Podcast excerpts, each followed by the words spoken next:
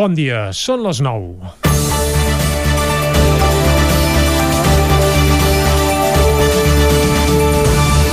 Avui és el dia en què de veritat comença el curs. A les escoles, als instituts, també comença el curs polític i també arrenca una nova temporada de Territori 17. Una temporada que s'allargarà, com el curs escolar, fins ben ha entrat al finals del mes de juny, durant la qual procurarem acostar-vos, com hem fet sempre, tota l'actualitat de les nostres comarques. Ja ho sabeu, les comarques del Ripollès, Osona, el Moianès i el Vallès Oriental. Tindrem actualitat, sí, i també entreteniment, perquè us farem companyia cada dia des de les 9 del matí i fins a les 12 del migdia, amb voluntat de servei públic, però també amb ganes de passar-nos-ho bé i aprendre plegats. El Territori 17 d'aquesta temporada arriba amb novetats. A partir de la setmana que ve, per exemple, també escoltareu la veu d'Isaac Moreno a la conducció de l'espai. Però a part de novetats, també seguim amb moltes de les seccions i col·laboradors amb els quals hem anat fent camí aquests darrers anys. En Pep Acosta, el temps, els nostres tertulians esportius habituals, que escoltarem avui precisament al final del programa, i també ens acompanyaran moltes altres veus que de ben segur que a molts de vosaltres us resultaran familiars. Pel que fa als deures del nou curs, l'actualitat ha començat marcada per una diada que alguns han vist com la de la desmobilització, alguns sobretot des de mirada eh, espanyola, per què no dir-ho, i d'altres l'han vist com la de la represa. Parlar de desmobilització tenint en compte el context meteorològic del cap de setmana i sobretot el pandèmic, amb el coronavirus encara rondant per aquí, gairebé fa riure i més després de veure les imatges de Barcelona dissabte, però cadascú que compri l'argument que vulgui. I aquesta setmana, en teoria, toca taula de diàleg. Ja veurem si serveix només per fer una foto o al final se'n treu algun resultat. Sigui com sigui, a Territori 17 hi serem per explicar-vos-ho. Això sí, la mirada, la nostra mirada, sobretot, estarà centrada en el que passa a prop de casa, un territori que pels mitjans d'abast nacional només existeix quan hi ha desgràcies, successos o bisbes que s'enrotllen amb escriptores de novel·la eròtica. Arrenquem curs i comencem Territori 17, com sempre a la sintonia del nou FM, la veu de Sant Joan, Ona Codinenca, Ràdio Cardedeu i el nou TV. Territori 17, amb Isaac Moreno i Jordi Sunyer.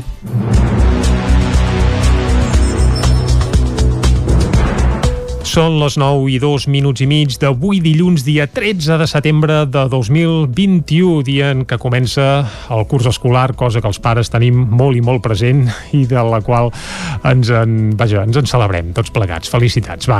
I comença un nou Territori 17 que avui, com sempre els dilluns, tindrà un marcat caràcter esportiu. Per què? Doncs perquè acabarem fent tertúlia sobre la jornada de Lliga de Futbol del cap de setmana. També parlarem de tot el que ha passat a l'estiu, perquè hi ha molta teca futbolística per fer cullerada i parlar-ne una mica amb els nostres tertulians habituals. També repassarem els resultats dels principals equips del nostre territori per saber com els ha anat al cap de setmana i també, com fèiem els dilluns ja la temporada passada, ens acompanyarà els solidaris amb Eloi Puigferrer. Tot això i moltes coses més les farem des d'ara i fins a les 12 del migdia.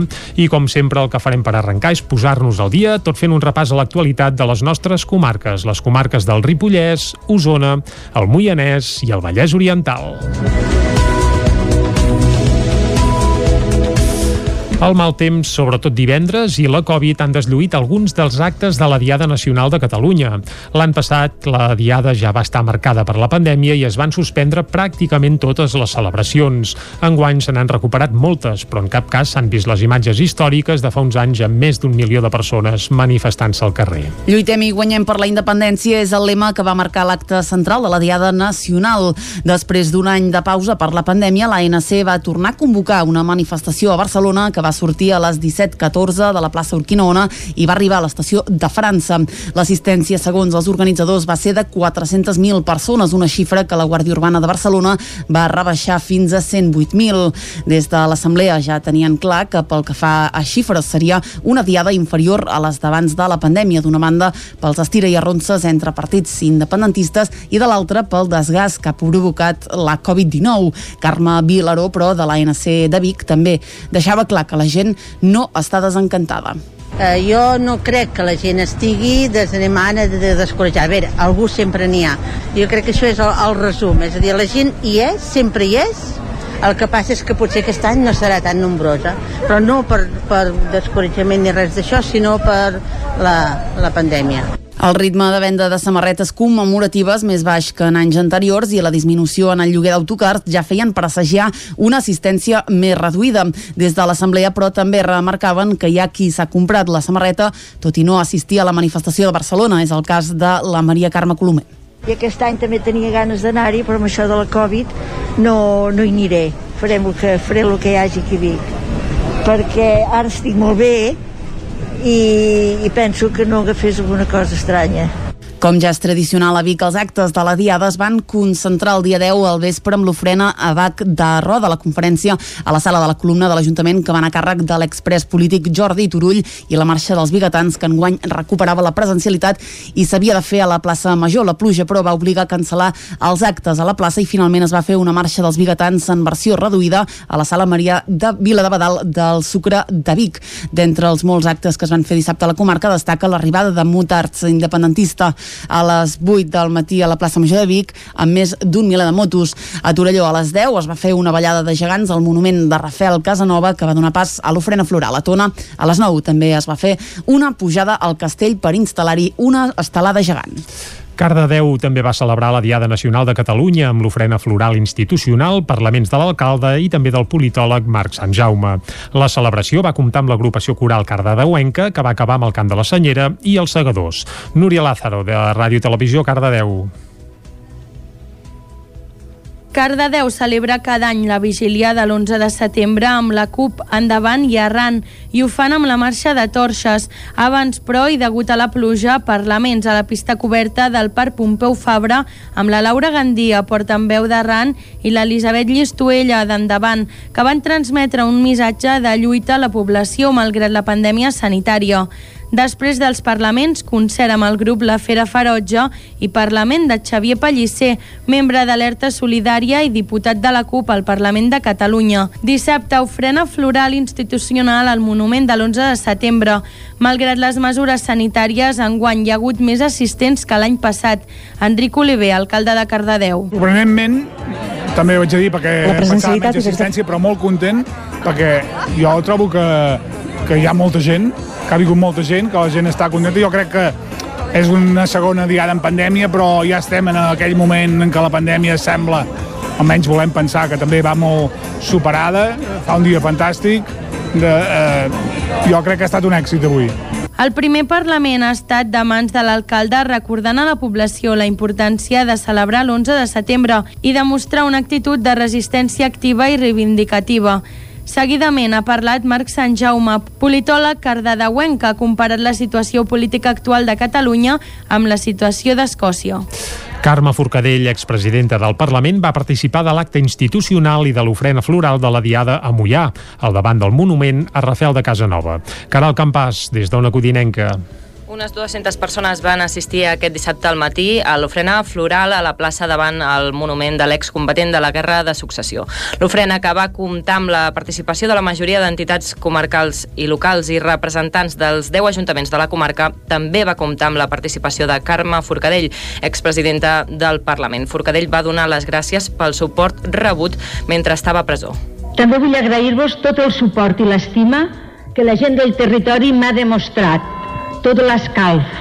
En aquests moments, ara ja no, però sí que han estat els moments més difícils de la meva vida. Pel que fa a l'independentisme, va dir que els ciutadans han marcat una línia molt clara que cal seguir.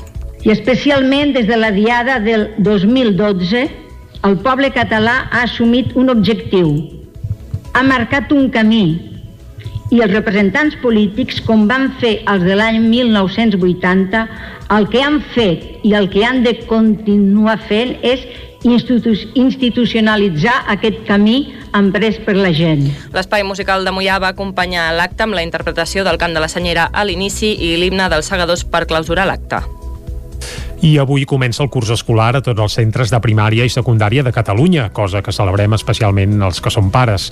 A Osona l'activitat ha començat amb prop de 24.500 alumnes, des d'infantil fins a batxillerat i 2.100 en cicles formatius.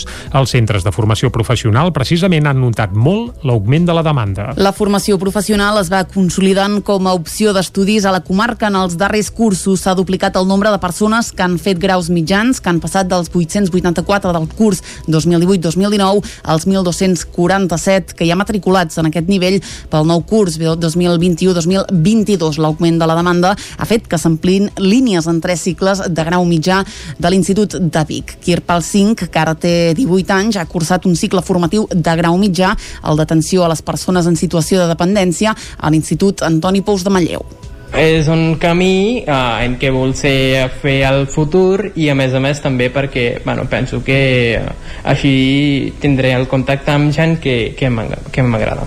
Aquest setembre començarà un cicle superior de tècnic d'educació infantil, també a l'Institut Antoni Pous. Kirpal 5 és un dels joves becats per la Fundació Impulsa que participa en el programa de mentoria social i rep un acompanyament formatiu i també de creixement personal. La seva mentora els dos últims anys ha estat Sílvia Carrer, que es dedica professionalment al coaching és enriquidora pels, pels dos cantons. En el cas del Kirpal hi ha hagut també una vessant cultural de la qual ens hem, ens hem enriquit tots dos i, i la veritat és que la sort és que, és que la fundació doncs, va, va creixent. Cada vegada hi ha, hi ha més nanos i és, bueno, ho recomano a, a tothom, a tots els empresaris i emprenedors que, que vulguin contribuir a aquesta funció doncs, de, de, relacionada amb l'igualtat d'oportunitats i la motivació dels joves. A banda dels 2.100 alumnes dels tres nivells de cicles formatius que comencen el curs aquest setembre a Osona, aquest matí també ho han fet els prop de 24.500 alumnes d'educació infantil, primària, ESO i batxillerat. El nou curs serà totalment presencial en totes les seves etapes. Eva Mayo és la directora de l'Escola Lluriana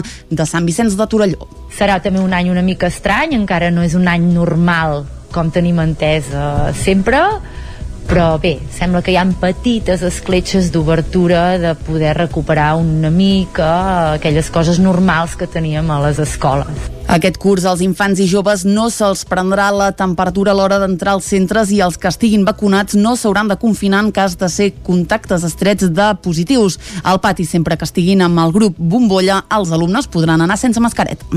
A la Universitat de Vic, en canvi, després d'un curs passat marcat per les sessions telemàtiques, les classes no comencen avui, sinó que ja van començar la setmana passada. Dilluns passat, les aules de l'edifici Can Bauman de Vic, on s'imparteix el grau de Medicina, van recuperar gran part de la presencialitat. Un escenari que, si no fos per l'obligatorietat de portar mascareta a l'aula, recordaria i molt el d'abans de la pandèmia, ho explica la vicerrectora d'Ordenació Acadèmica de la Universitat de Vic, Universitat Central de Catalunya, Àngels Pinyana. La presencialitat és exactament igual que la que hi havia abans de la pandèmia. I això és perquè les directrius que ens venen de la Direcció General d'Universitats ens diuen que en un moment determinat, en, en un mateix edifici, hi pot haver-hi fins al 70% dels, de les persones que ocupen aquell edifici.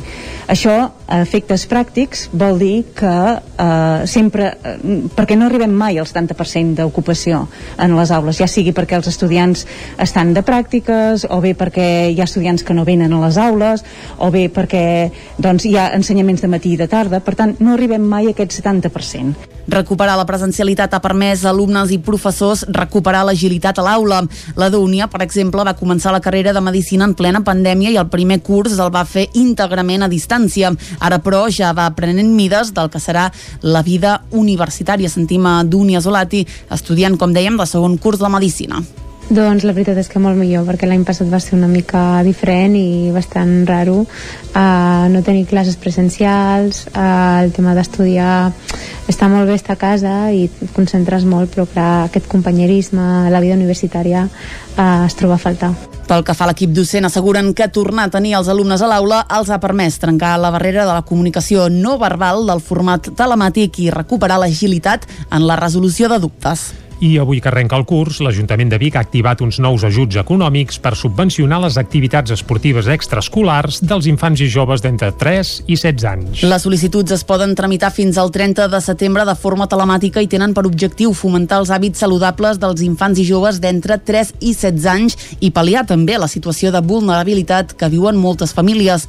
La subvenció podrà ser de fins a 500 euros per infant en aquelles activitats impulsades per entitats esportives de Vic i de 200 euros en el cas d'activitats fetes als mateixos centres educatius. La quantitat de la subvenció final variarà en funció dels ingressos de cada unitat familiar. Aquest proper dijous a les 6 de la tarda es farà una reunió presencial a l'Auditori Marià Vila de Badal del Sucre de Vic per tal d'explicar què són i com funcionen aquests nous tipus d'ajuts. La colònia Lleudet de Sant Joan de les Abadesses tindrà un museu i un centre d'interpretació l'any 2022. Isaac Muntades, des de la veu de Sant Joan. A principis d'aquest mes de setembre, el vicepresident del govern i conseller de Polítiques Digitals i Territori, Jordi Puigneró, va venir a Sant Joan de les Abadeses per visitar les dues empreses instal·lades a la colònia Lleudet i per signar dos convenis de col·laboració entre Incasol i l'Ajuntament de Sant Joan. El primer dels documents està vinculat al projecte d'especialització i competitivitat territorial, el PEC, i pretén adequar la nau on s'ha d'ubicar el futur museu i centre centre d'interpretació de la colònia, mentre que l'altre ha de servir per construir un aparcament dissuasori. El valor total de les dues obres és de 800.000 euros. Aquests convenis permetran recuperar el patrimoni cultural i industrial de l'antiga colònia i, segons l'alcalde Ramon Roquer, el projecte es licitarà d'aquí a finals d'any i està previst que el 80% del projecte s'acabi durant el 2022. Roquer explicava què es farà a la nau que formava part de l'antiga fàbrica. I poder fer un museu que intentarem, i aquesta serà l'aposta, un museu molt virtual, un museu amb una aplicació de noves tecnologies important, però també crearem un espai per emprenedors, per creatius, per treballar tot el tema del Big Data i per tant també perquè Lleudet, més enllà de possibles implantacions d'empreses, doncs també hi puguem tenir una part més tecnològica, més avançada, que, que pugui ser la llavor de molts projectes que en un futur també es poden instal·lar en el sector industrial de Lleudet. No? L'obra tindrà un cost de 517.000 euros més IVA, 457.000 dels quals els aportarà el consistori gràcies a un cofinançament provinent del PEC i del Departament de Cultura. Incasol abonarà la resta dels diners. El segon conveni signat amb l'Incasol permetrà permetrà construir un aparcament dissuasori a la coberta de la nau on s'instal·larà el museu. Això serà possible perquè el museu estarà ubicat al soterrani de l'edifici i la primera planta és a cota zero. El consistori serà l'encarregat d'executar els treballs per fer l'aparcament, el qual tindrà un cost de 260.000 euros més IVA, que els pagaran l'Ajuntament i Incasol a parts iguals. Les obres consistiran en la consolidació de tot l'edifici amb un reforç estructural del soterrani, que haurà de suportar l'aparcament. També s'impermeabilitzarà la coberta plana que actuarà com a paviment. A més, s'instal·laran punts de recàrrega per a vehicles elèctrics, un sistema de videovigilància i un punt d'informació municipal. I fins aquí el butllet informatiu de les 9 del matí que us hem ofert amb les veus de Clàudia Dinarès, Núria Lázaro, Caral Campàs i Isaac Muntades. Ara el que ens toca és parlar una mica del temps i com sempre aquí a Territori 17 això ho farem amb el Pep Acosta.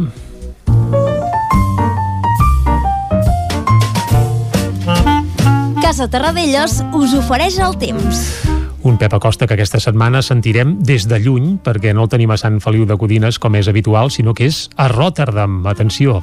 Però vaja, evidentment eh, la telefonia fa miracles i serà, l'escoltarem com si el tinguéssim aquí al costat. Eh? Pep Acosta, molt bon dia. Hola, què tal? Bé. Molt bon dia. I bona hora. Benvinguts a la informació del temps. Tornem a estar aquí després del parèntesi estival. Mm -hmm. Espero que tothom hagi passat un gran estiu, que hagi gaudit de les vacances, que hagi anat amb les piles eh, ben carregades i que comencem aquest setembre amb moltes ganes, amb molta passió i amb totes les coses que es diuen, tots els tòpics que es diuen al setembre. Mm -hmm. Dit això, faig ja la predicció del dia d'avui, Uh, no em vull tampoc enrotllar molt perquè és que si no, clar si explico tot l'estiu meteorològic, eh? No, no, no, no cal que parlem d'altres coses no, no cal, podem no cal. estar aquí hores parlant per això, eh? anem al gra i ja dic un altre dia, ja analitzaré millor les dades a la que acabi setembre ja es publiquen els, els informes de l'estiu per tant ja en parlarem més a fons més a fons un altre dia anem pel dia d'avui, que ens han llevat unes temperatures encara una mica de xafogó cap a la zona del prelitoral Uh, bastantes nits hem tingut uh, tropicals aquest estiu també per sobre els 20 graus. Avui encara una zona per sobre els 20 graus al prelitoral però on es nota ja de frescades cap a l'interior, temperatures de majoria entre els 15 i els 20 graus, ja es dorm molt bé a l'interior, i més amb les tempestes d'ahir, que van deixar 44 litres a Cales de Montbui, 33 a Sant Feliu de Codines, també va ploure cap a Mollanès, eh, cap a Osona també va ploure, podent no valors tan importants, i ahir va tocar aquesta zona prelitoral on, on va ploure més. Uh, hi ha pocs núvols ara mateix, hi ha molt de sol, moltes clarianes. A la tarda s'ennuvolarà una mica, però no es preveuen les pluges d'ahir. Avui les pluges afectaran més cap a ponent. Nosaltres quedem una mica més al marge. No es descarta quatre gotes al nord d'Osona i cap al Ripollès, però si avui plou seran quatre gotes, ni molt menys seran les pluges d'ahir. Les temperatures quedaran molt semblants, Ja. la majoria màximes uh -huh. entre 22 i 27 graus. Els pròxims dies de la setmana tenim una perturbació a l'oest de la península, se'ns anirà acostant i sembla que serà bastant més inestable i amb bastanta més pluja. Però bueno, els mapes, com sempre dic, van ballant, queden molts dies i veurem què acaba succeint. I ja està, uh, avui he, he tirat una mica més, perquè clar, volia fer una mica de resum de, de l'estiu. Moltíssimes gràcies, mm. estic molt content de tornar a estar aquí amb tots vosaltres. Nosaltres encara Espero més. que sigui una gran temporada mm -hmm. i que tots puguem gaudir junts de- d'aquest programa. Moltes gràcies, adeu, bon dia. Vinga, molt bon dia, Pep. T'escoltarem d'aquí una horeta. Ens actualitzes una mica la situació meteorològica, que et vagi bé, per cert, el teu viatge per terres holandeses, però això, t'hem escoltat com si fossis aquí al costat de casa, i això és, això és fantàstic. Ara nosaltres el que farem, aquí a Territori 17, és anar a fer un cop d'ull al que diuen les portades de la premsa d'avui. Anem-hi. Casa Tarradellas us ha ofert aquest espai. Territori 17. Envia'ns les teves notes de veu per WhatsApp al 646 079 023. 646 079 023. WhatsApp Territori 17.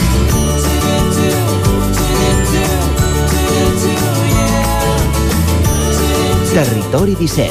Som a Facebook, Twitter i Instagram amb l'usuari Territori 17.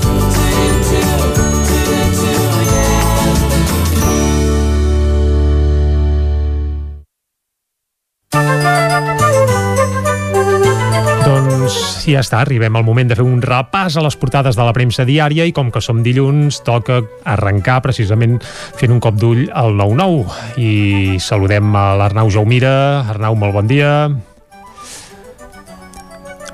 L'Arnau, Hola, que el Hola, tenim, bon dia. bon dia, bon dia, el tenim concentrat analitzant què diuen les portades de la premsa d'avui i com bé hem dit arrencarem pel 9-9 i si et sembla Arnau, primer fem un cop d'ull a l'edició d'Osona i el Ripollès on es fan ressò que avui comença el curs escolar, eh? Sí, com no podia ser manera, també comencem nosaltres, però això també hi ha desajustos, eh? també estem fent pretemporada. Eh? Sí, És una bé, Bueno, és, eh, eh, quan tenim la dinàmica va molt bé tot, però quan tornes a arrencar... Ens posarem a to de seguida. Jo crec que ningú li, sorpre ningú li sorprendrà que la tornada de les vacances sempre, sempre és dura.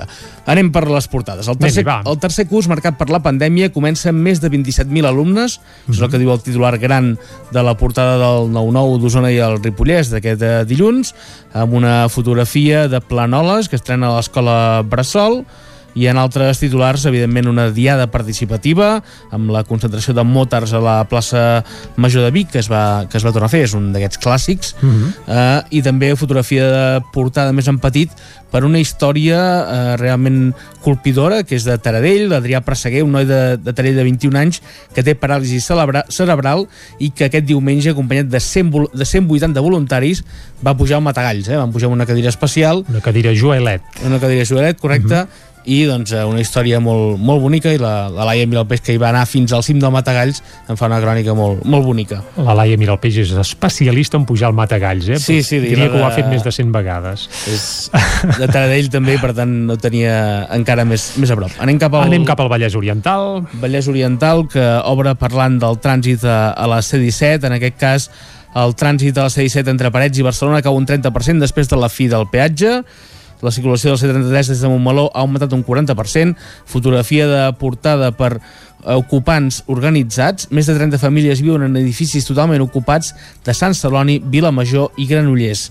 I ràpidament torna la mobilització, fotografia de portada per la concentració que es va fer a Granollers abans de- d'anar cap a Barcelona i el ball de gitanes de la festa major de Lliçà d'Amunt que ha homenatjat Joan Cladelles. I ara, ràpidament, fem un cop d'ull a les portades que s'editen des de Barcelona i comencem per on vulguis. Pel punt avui, sí? Sí, moment que es carregui sí, perquè... Que es carregui, que es carregui. Clar que sí. Uh, Oh, sí, el punt avui, el punt avui, sí, sí. Vinga. Del carrer a la taula. És el, el que diuen uh, el, la portada, en aquest símil que deien també de l'inici d'aquesta taula de negociació. Que encara no se sap si serà no dijous o divendres. i va ser la mobilització al carrer de la Diada amb aquesta taula de, de negociació. La fotografia comença el curs de la vacuna, els alumnes tornen avui a classes amb quarantenes més laxes i es veu una classe preparant-se per, per arrencar. Anem cap al periòdico amb una fotografia molt similar de tot d'operaris o de, de perso- no són tant operaris sinó mestres segurament que estan preparant doncs, un, un dels centres es, escolars muntant, acabant de muntar taules més a prop de l'escola d'abans de la Covid, és el que diu aquest titular, i la polèmica de l'aeroport plana sobre la taula de diàleg. En teoria no s'hauria de, parar, No. de parlar d'aeroports a la taula de diàleg. Ja ho han deixat clar que no hauria de ser així, bé. però ho veurem. El, anem cap a l'avantguàrdia. La negociació per ampliar el Prat podria prorrogar-se un any. Aquí hi ha desajustos, no? Uns deien que hi havia una pròrroga de 20 dies, ara diuen que es podria ser durant un any. Veurem cap on, cap on porta i fotografia de portada per nou col·lapse a les autopistes, que els peatges, després de la desaparició dels peatges, no? doncs s'ha incrementat molt aquest trànsit i com que encara hi ha aquests, eh, aquests llocs per on s'ha de passar a poc a poc, s'han Sí, sí, creat a 30 per hora, concretament. col·lapses, col·lapses ahir fins a 20 quilòmetres a la, a, a la Roca per tant un, una gran saturació. Uh, acabem els diaris de Catalunya anem cap a l'avantguàrdia alcaldes del PDeCAT registren les sigles de Junts, eh? torna segueix aquest col·labrot de, de, doncs de, de, qui, de qui és la, la marca. I som un carrer conquerit per les terrasses que explica doncs, que les voreres s'han convertit en terrasses eh, ambulants. Ara sí que anem ràpidament cap a Madrid. Va, un minutet per fer-hi un cop d'ull. Això mateix, el país, fotografia de, de portada per, eh, per un incendi de, de Màlaga que ja que s'està complicant i que encara no s'ha pogut extingir i la sala del, de lo militar que diu una solució per al Suprem que pensa en, traje- en traslladar-hi magistrats. Anem a l'ABC, llei de, la llei de memòria oblida les víctimes del comunisme, això és el, el que diu, i fotografia Mare de portada per la golejada del Real Madrid sobre el Celta 5 a 2 i aquesta celebració que doncs, portarà a cua de Vinícius que va saltar la grada en un moment de pandèmia es va, ficar, es va posar a celebrar el gol al mig de la, de la graderia. És ben bé que d'on no n'hi ha, no en raja. Anem cap a- al Mundo, que obre la portada amb una entrevista a l'expresidenta de, de Madrid, Esperanza Aguirre, ponerle trabas internas a Ayuso és ajudar a Sánchez, és el que diu eh, en aquesta eh, portada amb fotografia per, com dèiem per eh, Esperanza Aguirre i, gula, i, gol, i golejada en la tornada al Bernabéu perquè ahir doncs, el, el Madrid tornava en, a, a, al Bernabéu en Després de més d'un any sense ser-hi. i acabem amb la Razón Ra- Va, 10 segons, què diuen a dalt? Uh, també Génova treballa amb una llista única d'Ayuso i Almeida i festa per, i la foto per Vinícius i el Madrid. Fantàstic, Arnau, moltes gràcies. Nosaltres ara aquí a Territori 17 fem una petita pausa de res, 3 minutets i tornem a dos quarts en punt amb més informació. Fins ara! El nou FM, la ràdio de casa, al 92.8. Rètols 2A. Experts en comunicació visual. Rètols, banderoles, vinils, impressió, plaques gravades, senyalització, display... Rètols Dos Art. Ja són 25 anys al vostre servei. Ens trobareu a la carretera de Vic a Olot, número 7, al polígon Malloles de Vic. dosartvic.com Telèfon 93 889 25 88. A Aquari Jordi hi trobaràs periquitos, canaris i tot tipus d'ocells, conills, hàmster, ratolins, rates índies, peixos tropicals i molt més. Aquaris, tortugues, joguines i tots els complements i menjars per tot tipus d'animals. Aquari Jordi som al carrer Nou número 34 de Vic i també a Instagram. Troba'ns a aquarijordi.com. Oferta de pinços pel teu gat o gos i descomptes en llits, matalassos i joguines. Aquari Jordi us desitja bon mercat de música viva. El nou Moianès. A partir del 20 de setembre, cada tercer dilluns de mes, amb el 9-9, un suplement especial farcit de personatges, curiositats i històries singulars. El nou Moianès. La informació de la comarca al teu servei. Mudances a la carta. Som especialistes en muntatge i desmuntatge de mobles. Oferim servei de guardamobles i fem mudances a tot el territori. Trasllats de pianos i peces delicades i també fem embalatge i protegim. Mudances a la carta. Serveis adaptats a cada client. Ens trobaràs al telèfon 605 04 34 75. Els idiomes són la teva assignatura pendent? Matricula't anglès o francès a l'EOI Osona, l'Escola Pública d'Idiomes a Vic. Per més informació, consulta la web eoiosona.cat i trobaràs l'oferta de cursos i horaris, així com les bonificacions i exempcions de matrícula. També ens pots trucar al 93 889 3830 a partir de l'1 de setembre. Cobertes serveis funeraris. Els nostres tanatoris estan ubicats en els nuclis urbans més poblats de la comarca d'Osona per oferir un millor servei. Tanatori de Vic, Tanatori de Manlleu, Tanatori de Centelles i Tanatori de Roda de Ter. Sabem que són moments difícils i per això el nostre compromís és atendre-us en tot moment amb un tracte humà, sensible i respectuós. Cobertes serveis funeraris. Telèfon 24 hores 93 883 23 46. OBS, la marca de moda líder a Itàlia, arriba a Vic amb la col·lecció per nens fins a 15 anys. Vesteix els petits amb roba OBS, peces fabricades amb cotó orgànic pensades especialment per la pell dels infants. Aprofita el 20% de descompte en tota la col·lecció durant l'obertura del 9 al 14 de setembre. OBS, des d'Itàlia per tu, al carrer Argenters 20 de Vic. El nou FM, el nou FM, el nou FM. El nou... Territori 17, amb Isaac Moreno i Jordi Sunyer. Són dos quarts de deu en punt del matí d'aquest dilluns, dia 13 de setembre de 2021, primer territori 17 de la temporada, dia en què comença també el curs escolar, també comencen, bé, eh, podríem dir el curs polític, en una setmana marcada per la diada que hem deixat enrere aquest cap de setmana i sembla que també hauria d'estar marcada per aquesta taula de diàleg que segurament tindrà lloc aquest proper dijous al Palau de la Generalitat a Barcelona, tot i que també és possible que acabi sent divendres, ja que encara hi ha moltes coses que no estan tancades d'aquesta taula. Una d'elles, per exemple, qui presidirà l'equip espanyol. Si serà Pedro Sánchez, doncs això ho descobrirem segurament a les properes hores. Ara no parlarem de taula de diàleg, sinó el que farem és acostar-vos de nou l'actualitat de casa nostra, l'actualitat de les comarques d'Osona, el Ripollès, el Moianès i el Vallès Oriental.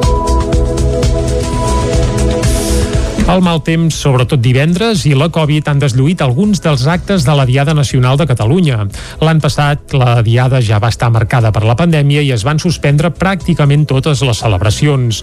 Enguany se n'han recuperat moltes, però en cap cas s'han vist les imatges històriques de fa uns anys amb més d'un milió de persones manifestant-se al carrer. Lluitem i guanyem per la independència és el lema que va marcar l'acte central de la Diada Nacional.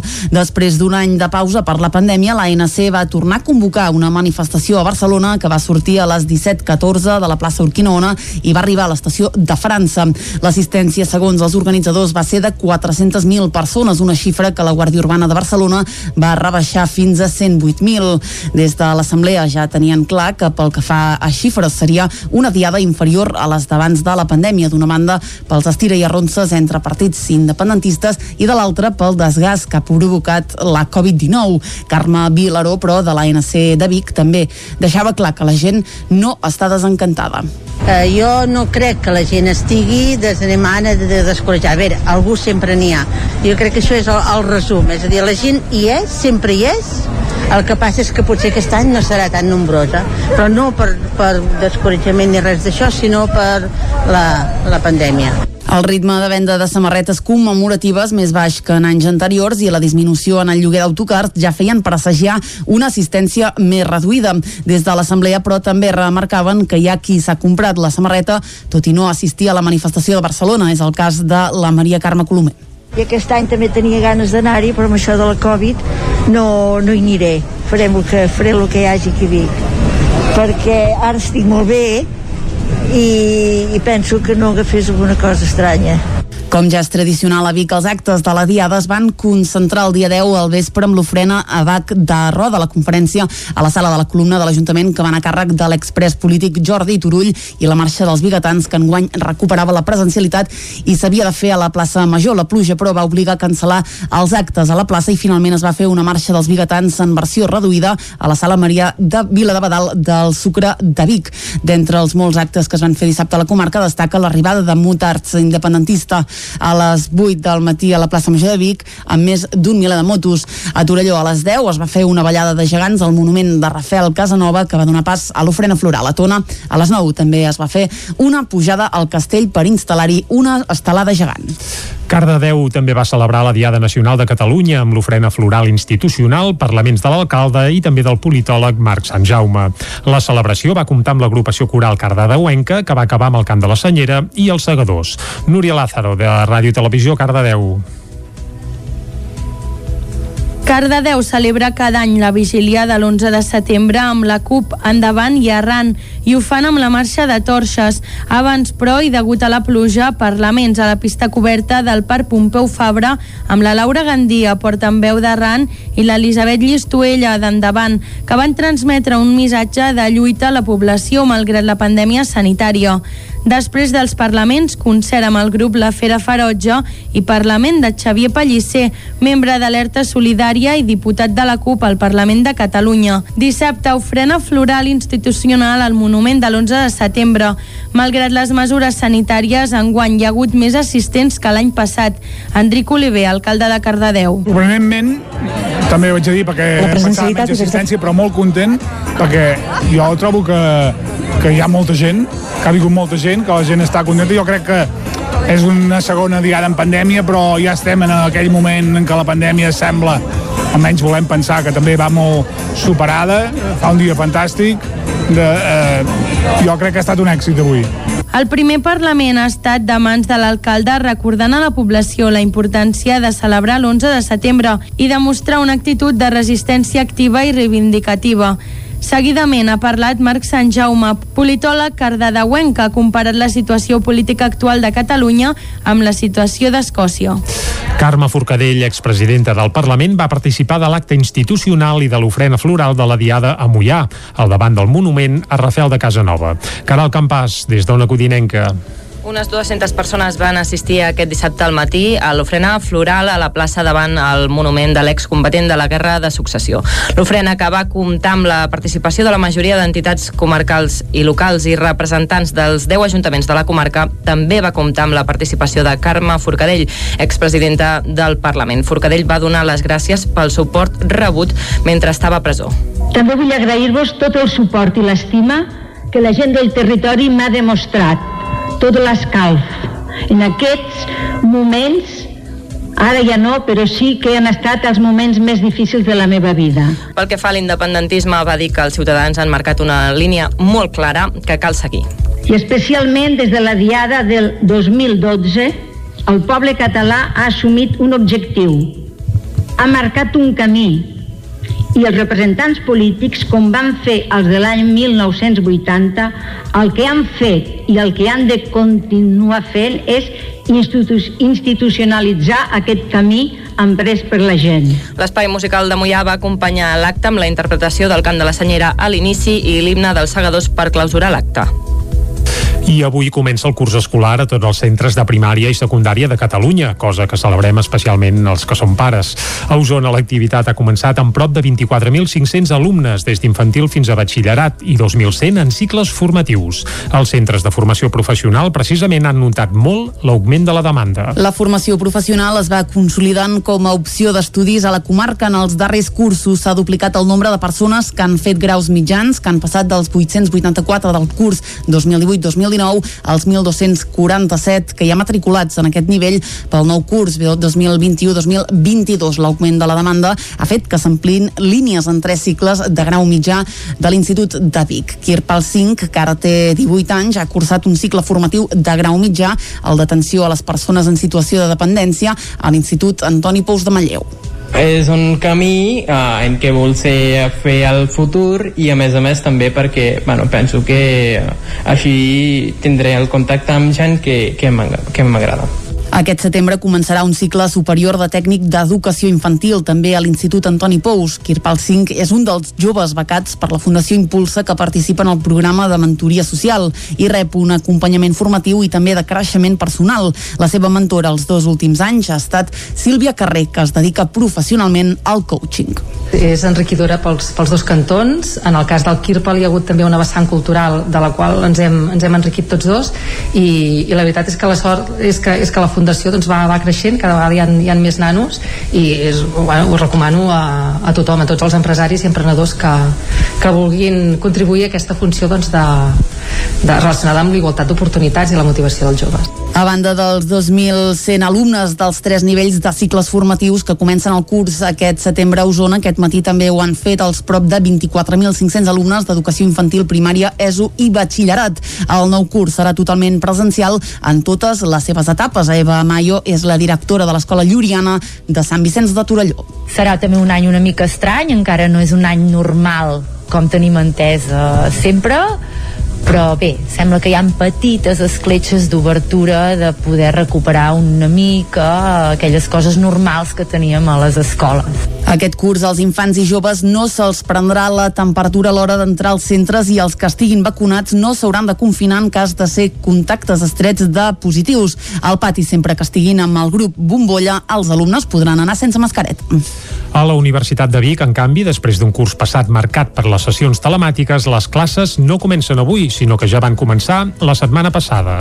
Dilluns passat, les aules de l'edifici Can Bauman de Vic, on s'imparteix el grau de Medicina, van recuperar gran part de la presencialitat. Un escenari que, si no fos per l'obligatorietat de portar mascareta a l'aula, recordaria i molt el d'abans de la pandèmia, ho explica la vicerrectora d'Ordenació Acadèmica de la Universitat de Vic, Universitat Central de Catalunya, Àngels Pinyana. La presencialitat és exactament igual que la que hi havia abans de la pandèmia. I això és perquè les directrius que ens venen de la Direcció General d'Universitats ens diuen que en un moment determinat, en, en un mateix edifici, hi pot haver-hi fins al 70% dels, de les persones que ocupen aquell edifici. Això, a efectes pràctics, vol dir que eh, sempre, eh, perquè no arribem mai al 70% d'ocupació en les aules, ja sigui perquè els estudiants estan de pràctiques, o bé perquè hi ha estudiants que no venen a les aules, o bé perquè doncs, hi ha ensenyaments de matí i de tarda, per tant, no arribem mai a aquest 70%. Recuperar la presencialitat ha permès alumnes i professors recuperar l'agilitat a l'aula. La Dúnia, per exemple, va començar la carrera de Medicina en plena pandèmia i el primer curs el va fer íntegrament a distància. Ara, però, ja va aprenent mides del que serà la vida universitària. Sentim a Dúnia Zolati, estudiant, com dèiem, de segon curs de Medicina. Doncs la veritat és que molt millor, perquè l'any passat va ser una mica diferent i bastant raro uh, no tenir classes presencials, uh, el tema d'estudiar està molt bé estar a casa i et concentres molt, però clar, aquest companyerisme, la vida universitària uh, es troba a faltar. Pel que fa a l'equip docent, asseguren que tornar a tenir els alumnes a l'aula els ha permès trencar la barrera de la comunicació no verbal del format telemàtic i recuperar l'agilitat en la resolució de dubtes. I avui que arrenca el curs, l'Ajuntament de Vic ha activat uns nous ajuts econòmics per subvencionar les activitats esportives extraescolars dels infants i joves d'entre 3 i 16 anys. Les sol·licituds es poden tramitar fins al 30 de setembre de forma telemàtica i tenen per objectiu fomentar els hàbits saludables dels infants i joves d'entre 3 i 16 anys i pal·liar també la situació de vulnerabilitat que viuen moltes famílies. La subvenció podrà ser de fins a 500 euros per infant en aquelles activitats impulsades per entitats esportives de Vic i de 200 euros en el cas d'activitats fetes als mateixos centres educatius. La quantitat de la subvenció final variarà en funció dels ingressos de cada unitat familiar. Aquest proper dijous a les 6 de la tarda es farà una reunió presencial a l'Auditori Marià Vila de Badal del Sucre de Vic per tal d'explicar què són i com funcionen aquests nous tipus d'ajuts. La colònia Lleudet de Sant Joan de les Abadesses tindrà un museu i un centre d'interpretació l'any 2022 Isaac Muntades, des de la veu de Sant Joan.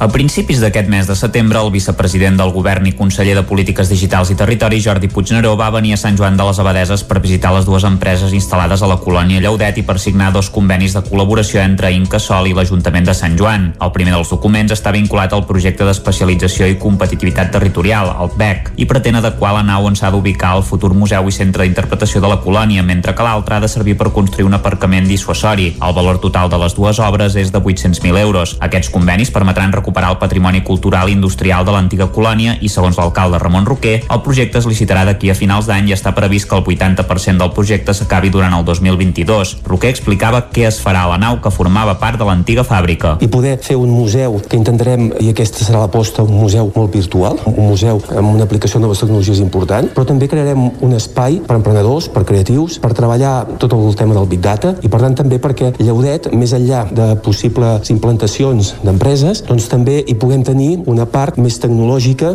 més avançada, que, que pugui ser la llavor de molts projectes que en un futur també es poden acabar instal·lant en el sector industrial de Lleudet. No? L'obra tindrà un cost de 517.000 euros més IVA, 457.000 dels quals els aportarà el consistori gràcies a un cofinançament provinent del PEC i del Departament de Cultura. Incasol abonarà la resta dels diners. El segon conveni signat amb l'Incasol permetrà construir un aparcament dissuasori a la coberta de la nau on s'instal·larà el museu. Això serà possible perquè el museu estarà ubicat al soterrani soterrani de l'edifici i la primera planta és a cota zero. El consistori serà l'encarregat d'executar els treballs per fer l'aparcament, el qual tindrà un cost de 260.000 euros més IVA, que els pagaran l'Ajuntament i Incasol a parts iguals. Les obres consistiran en la consolidació de tot l'edifici amb un reforç estructural del soterrani, que haurà de suportar l'aparcament. També s'impermeabilitzarà la coberta plana, que actuarà com a paviment. A més, s'instal·laran punts de recàrrega per a vehicles elèctrics, un sistema de videovigilància i un punt d'informació municipal. I fins aquí el butllet informatiu de les 9 del matí que us hem ofert amb les veus de Clàudia Dinarès, Núria Lázaro, Caral Campàs i Isaac Muntades. Ara el que ens toca és parlar una mica del temps i com sempre aquí a Territori 17 això ho farem amb el Pep Acosta.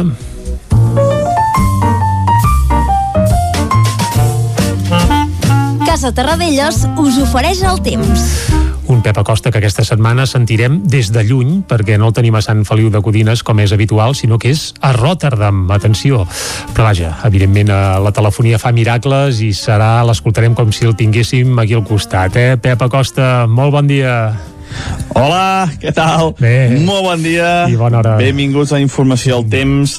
Tornem a estar aquí després del parèntesi estival. Mm -hmm. Espero que tothom hagi passat un gran estiu, que hagi gaudit de les vacances, que hagi anat amb les piles eh, ben carregades i que comencem aquest setembre amb moltes ganes, amb molta passió i amb totes les coses que es diuen, tots els tòpics que es diuen al setembre. Mm -hmm. Dit això, faig ja la predicció del dia d'avui, Uh, no em vull tampoc enrotllar molt perquè és que si no, clar si explico tot l'estiu meteorològic, eh? no, no, no, no cal que parlem d'altres coses no, no cal, podem no cal. estar aquí hores parlant per això, eh? anem al gra i ja dic un altre dia, ja analitzaré millor les dades a la que acabi setembre ja es publiquen els, els informes de l'estiu per tant ja en parlarem més a fons més a fons un altre dia anem pel dia d'avui, que ens han llevat unes temperatures encara una mica de xafogó cap a la zona del prelitoral Uh, bastantes nits hem tingut uh,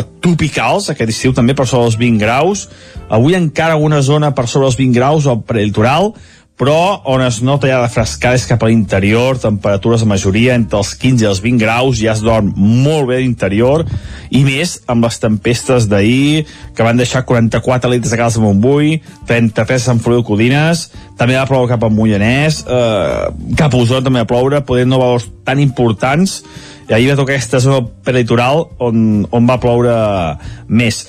Uh, hi ha pocs núvols ara mateix, hi ha molt de sol, moltes clarianes. A la tarda s'ennuvolarà una mica, però no es preveuen les pluges d'ahir. Avui les pluges afectaran més cap a ponent. Nosaltres quedem una mica més al marge. No es descarta quatre gotes al nord d'Osona i cap al Ripollès, però si avui plou seran quatre gotes, ni molt menys seran les pluges d'ahir les temperatures quedaran molt semblants, ja. la majoria màximes uh -huh. entre 22 i 27 graus. Els pròxims dies de la setmana tenim una perturbació a l'oest de la península, se'ns anirà acostant i sembla que serà bastant més inestable i amb bastanta més pluja. Però bueno, els mapes, com sempre dic, van ballant, queden molts dies i veurem què acaba succeint. I ja està, uh, avui he, he tirat una mica més, però clar, volia fer una mica de resum de, de l'estiu. Moltíssimes gràcies, mm. estic molt content de tornar a estar aquí amb tots vosaltres. Nosaltres encara Espero més. Espero que sigui una gran temporada mm -hmm. i que tots puguem gaudir junts d'aquest programa. Moltes gràcies, adeu, bon dia. Vinga, molt bon dia, Pep. T'escoltarem d'aquí una horeta, ens actualitzes una mica la situació meteorològica, que et vagi bé, per cert, el teu viatge per terres holandeses, però això, t'hem escoltat com si fossis aquí al costat de casa, i això és, això és fantàstic. Ara nosaltres el que farem aquí a Territori 17 és anar a fer un cop d'ull al que diuen les portades de la premsa d'avui. Anem-hi. Casa Tarradellas us ha ofert aquest espai. Territori 17. Envia'ns les teves notes de veu per WhatsApp al 646 079 023. 646 079 023. WhatsApp Territori 17.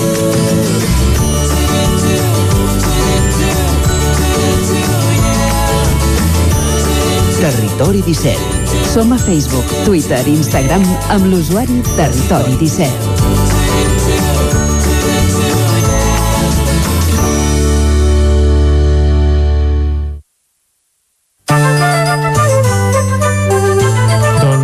I ja està, arribem al moment de fer un repàs a les portades de la premsa diària i com que som dilluns, toca arrencar precisament fent un cop d'ull al 9-9 i saludem a l'Arnau Jaumira. Arnau, molt bon dia.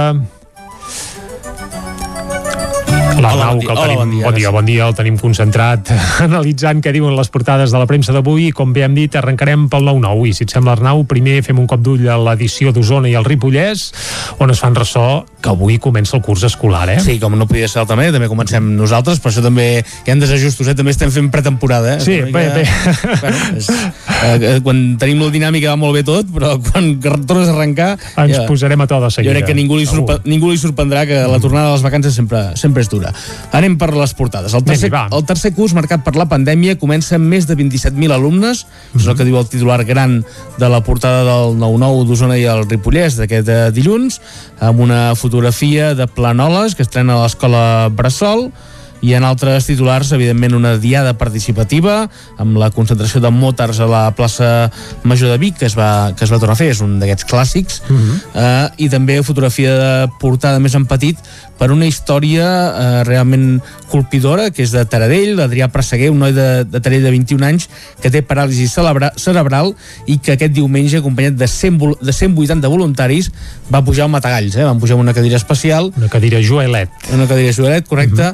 I doncs eh, una història molt, molt bonica i la, la Laia Miralpeix que hi va anar fins al cim del Matagalls en fa una crònica molt, molt bonica La Laia Miralpeix és especialista en pujar al Matagalls, eh? Sí, sí, Diria que ho ha fet més de 100 vegades. és de Taradell també, per tant no tenia encara més, més a prop. Anem cap al, Anem cap al Vallès Oriental. Vallès Oriental, que obre parlant del trànsit a, a la C-17, en aquest cas el trànsit a la C-17 entre Parets i Barcelona cau un 30% després de la fi del peatge la circulació del C33 des de Montmeló ha augmentat un 40%, fotografia de portada per ocupants organitzats, més de 30 famílies viuen en edificis totalment ocupats de Sant Celoni, Vilamajor i Granollers. I ràpidament torna la mobilització, fotografia de portada per la concentració que es va fer a Granollers abans de- d'anar cap a Barcelona i el ball de gitanes de la festa major de Lliçà d'Amunt que ha homenatjat Joan Cladelles. I ara, ràpidament, fem un cop d'ull a les portades que s'editen des de Barcelona i comencem per on vulguis. Pel punt avui, sí? Sí, moment que es carregui sí, perquè... Que es carregui, que es carregui. Clar que sí. Uh, Oh, sí, el punt avui, el punt avui, sí, sí. Vinga. Del carrer a la taula. És el, el que diuen uh, el, la portada, en aquest símil que deien també de l'inici d'aquesta taula de negociació. Que encara no se sap si serà no dijous o divendres. i va ser la mobilització al carrer de la Diada amb aquesta taula de, de negociació. La fotografia comença el curs de la vacuna, els alumnes tornen avui a classes amb quarantenes més laxes. Veu una classe preparant-se per, per arrencar. Anem cap al periòdico amb una fotografia molt similar de tot d'operaris o de, no són tant operaris sinó mestres segurament que estan preparant doncs, un, un dels centres es, escolars muntant, acabant de muntar taules més a prop de l'escola d'abans de la Covid és el que diu aquest titular i la polèmica de l'aeroport plana sobre la taula de diàleg En teoria no s'hauria de, parar, No. de parlar d'aeroports a la taula de diàleg. Ja ho han deixat clar que no hauria de ser així, però ho veurem. El anem cap a l'avantguàrdia. La negociació per ampliar el Prat podria prorrogar-se un any. Aquí hi ha desajustos, no? Uns deien que hi havia una pròrroga de 20 dies, ara diuen que es podria ser durant un any. Veurem cap on, cap on porta i fotografia de portada per nou col·lapse a les autopistes, que els peatges després de la desaparició dels peatges no, doncs s'ha incrementat molt aquest trànsit i com que encara hi ha aquests, eh, aquests llocs per on s'ha de passar a poc a poc s'han Sí, sí, creat a 30 per hora, concretament. col·lapses, col·lapses ahir fins a 20 quilòmetres a la, a, a la Roca per tant un, una gran saturació. Uh, acabem els diaris de Catalunya anem cap a l'avantguàrdia alcaldes del PDeCAT registren les sigles de Junts eh? torna, segueix aquest col·labrot de, de, doncs de, de, qui, de qui és la, la marca. I som un carrer conquerit per les terrasses que explica doncs, que les voreres s'han convertit en terrasses eh, ambulants.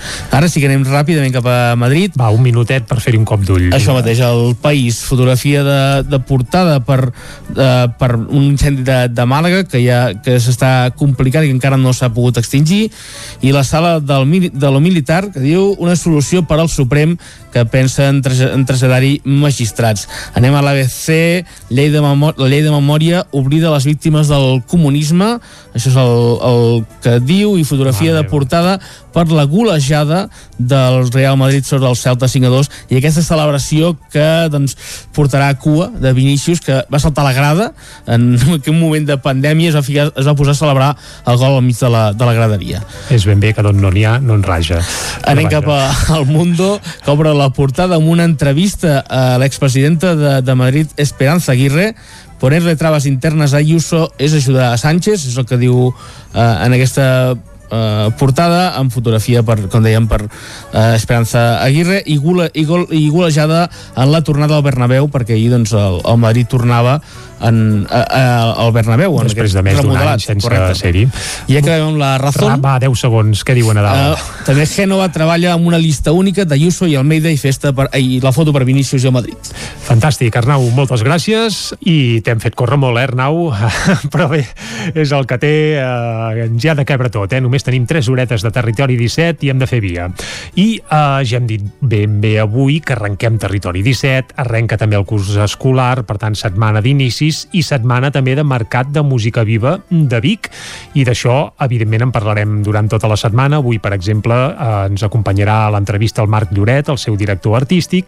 I també durant tota la setmana us acostarem algunes de les novetats musicals que es podran escoltar precisament durant aquest mercat de 2021 en una edició evidentment que ja no serà com l'any passat en què pràcticament tot va ser enllaunat i concerts gravats, tot i que n'hi va, va haver algun de presencial, sinó que aquest any, déu nhi la normalitat que recupera i la mà de concerts que es poden anar a veure presencialment. D'això en parlarem de seguida amb el Marc Lloret i el que farem ara i també la resta de dies d'aquesta setmana fins a arribar al punt de les 10 és estrenar peces doncs, lligades al Mercat de Música Viva de Vic. I avui us volem portar una de les novetats segurament més esperades i és eh, el nou disc de Roger Mas, un nou disc que, per cert, es titularà Totes les flors. Eh, es publica aquest proper dia 17 de setembre, per tant, aquesta mateixa setmana. I avui n'escoltarem el primer single. El primer single d'aquest disc és... Eh, bé, té un títol curiós, es diu Amb la polla i l'ou. eh, té trampa, eh? És una cançó gastronòmica dedicada a la Carme Ruscalleda Uh, resulta que el Roger Mas i la Carme Ruscalleda doncs, se'n van anar un dia a fer un vol amb unes vinyes i el Roger doncs, li va dedicar aquesta cançó. Però bé, les dedicatòries no acaben aquí perquè l'any 2012 si anaves al Sant Pau de Sant Pol de Mar, no sé si has anat mai a Arnau, al Sant Pau allà... No he tingut, no vaig tenir aquesta sort ara Val. tancat, però... jo, jo hi vaig anar una vegada però entre els plats que hi havia a taula no hi havia el Roger Mas però resulta que l'any 2012 si anaves al restaurant de la Carme Ruscalleda recordem que ara ja està tancat, per tant no cal que hi feu cap. Sant Pol de Mar. Exacte, doncs allà a Sant Pol hi havia el Sant Pau, aquest era el títol del restaurant i l'any 2012 a la carta hi havia un plat que es deia Roger Mas. Per què? Doncs perquè la Carme Ruscalleda es va enamorar d'aquell disc que va fer el Roger Mas amb la Cobla Sant Jordi a Ciutat de Barcelona sí, i en va fer una espècie, jo, jo no sé definir-ho, com que tampoc l'he tastat, no sé, però em va fer un plat que reproduïa una mica la portada d'aquell disc, allò que era una espècie de panet de Sant Antoni barrejat amb un dònut, una cosa ben curiosa, doncs la Carme Ruscalleda em va fer un plat. El Roger Mas, això, evidentment, també li va tocar la fibra i és per tot plegat doncs, que n'ha nascut aquesta cançó que estrenarà estrenarem ara en primícia aquí a, a Territori 17. És una cançó que és curiosa perquè té un aire així gairebé salsero i gairebé ballable, per tant s'allunya una mica d'aquest Roger Mas que havíem escoltat en els darrers discos, que era molt més proper a la cançó d'autor, molt més reposat, gairebé despullat amb veu i guitarra i prou. Doncs no, aquest Roger Mas que torna ara amb aquest Totes les flors, recordem-ho, el seu nou disc que es publicarà aquesta mateixa setmana, el dia 17, doncs aquest disc es presentarà, per cert, al Mercat de Música Viva de Vic, és el primer lloc del món on es podrà escoltar i concretament això passarà el dia 16 de setembre, és a dir, aquest mateix eh, que és el dia 16, Arnau, dimecres o dijous, ja no sé ni el dia que passem, eh? avui som 13, Uf, Val, doncs dijous, dijous a dos quarts de 10 del vespre a l'Atlàntida de Vic, Roger Mas estrenarà aquest Totes les Flors, el seu 11è disc ja de la seva trajectòria i en aquest disc hi ha peces com aquesta, amb la polla i l'ou. L'escoltem i amb aquesta cançó arribarem fins al al punt de les 10 aquí a Territori 17. Fins ara.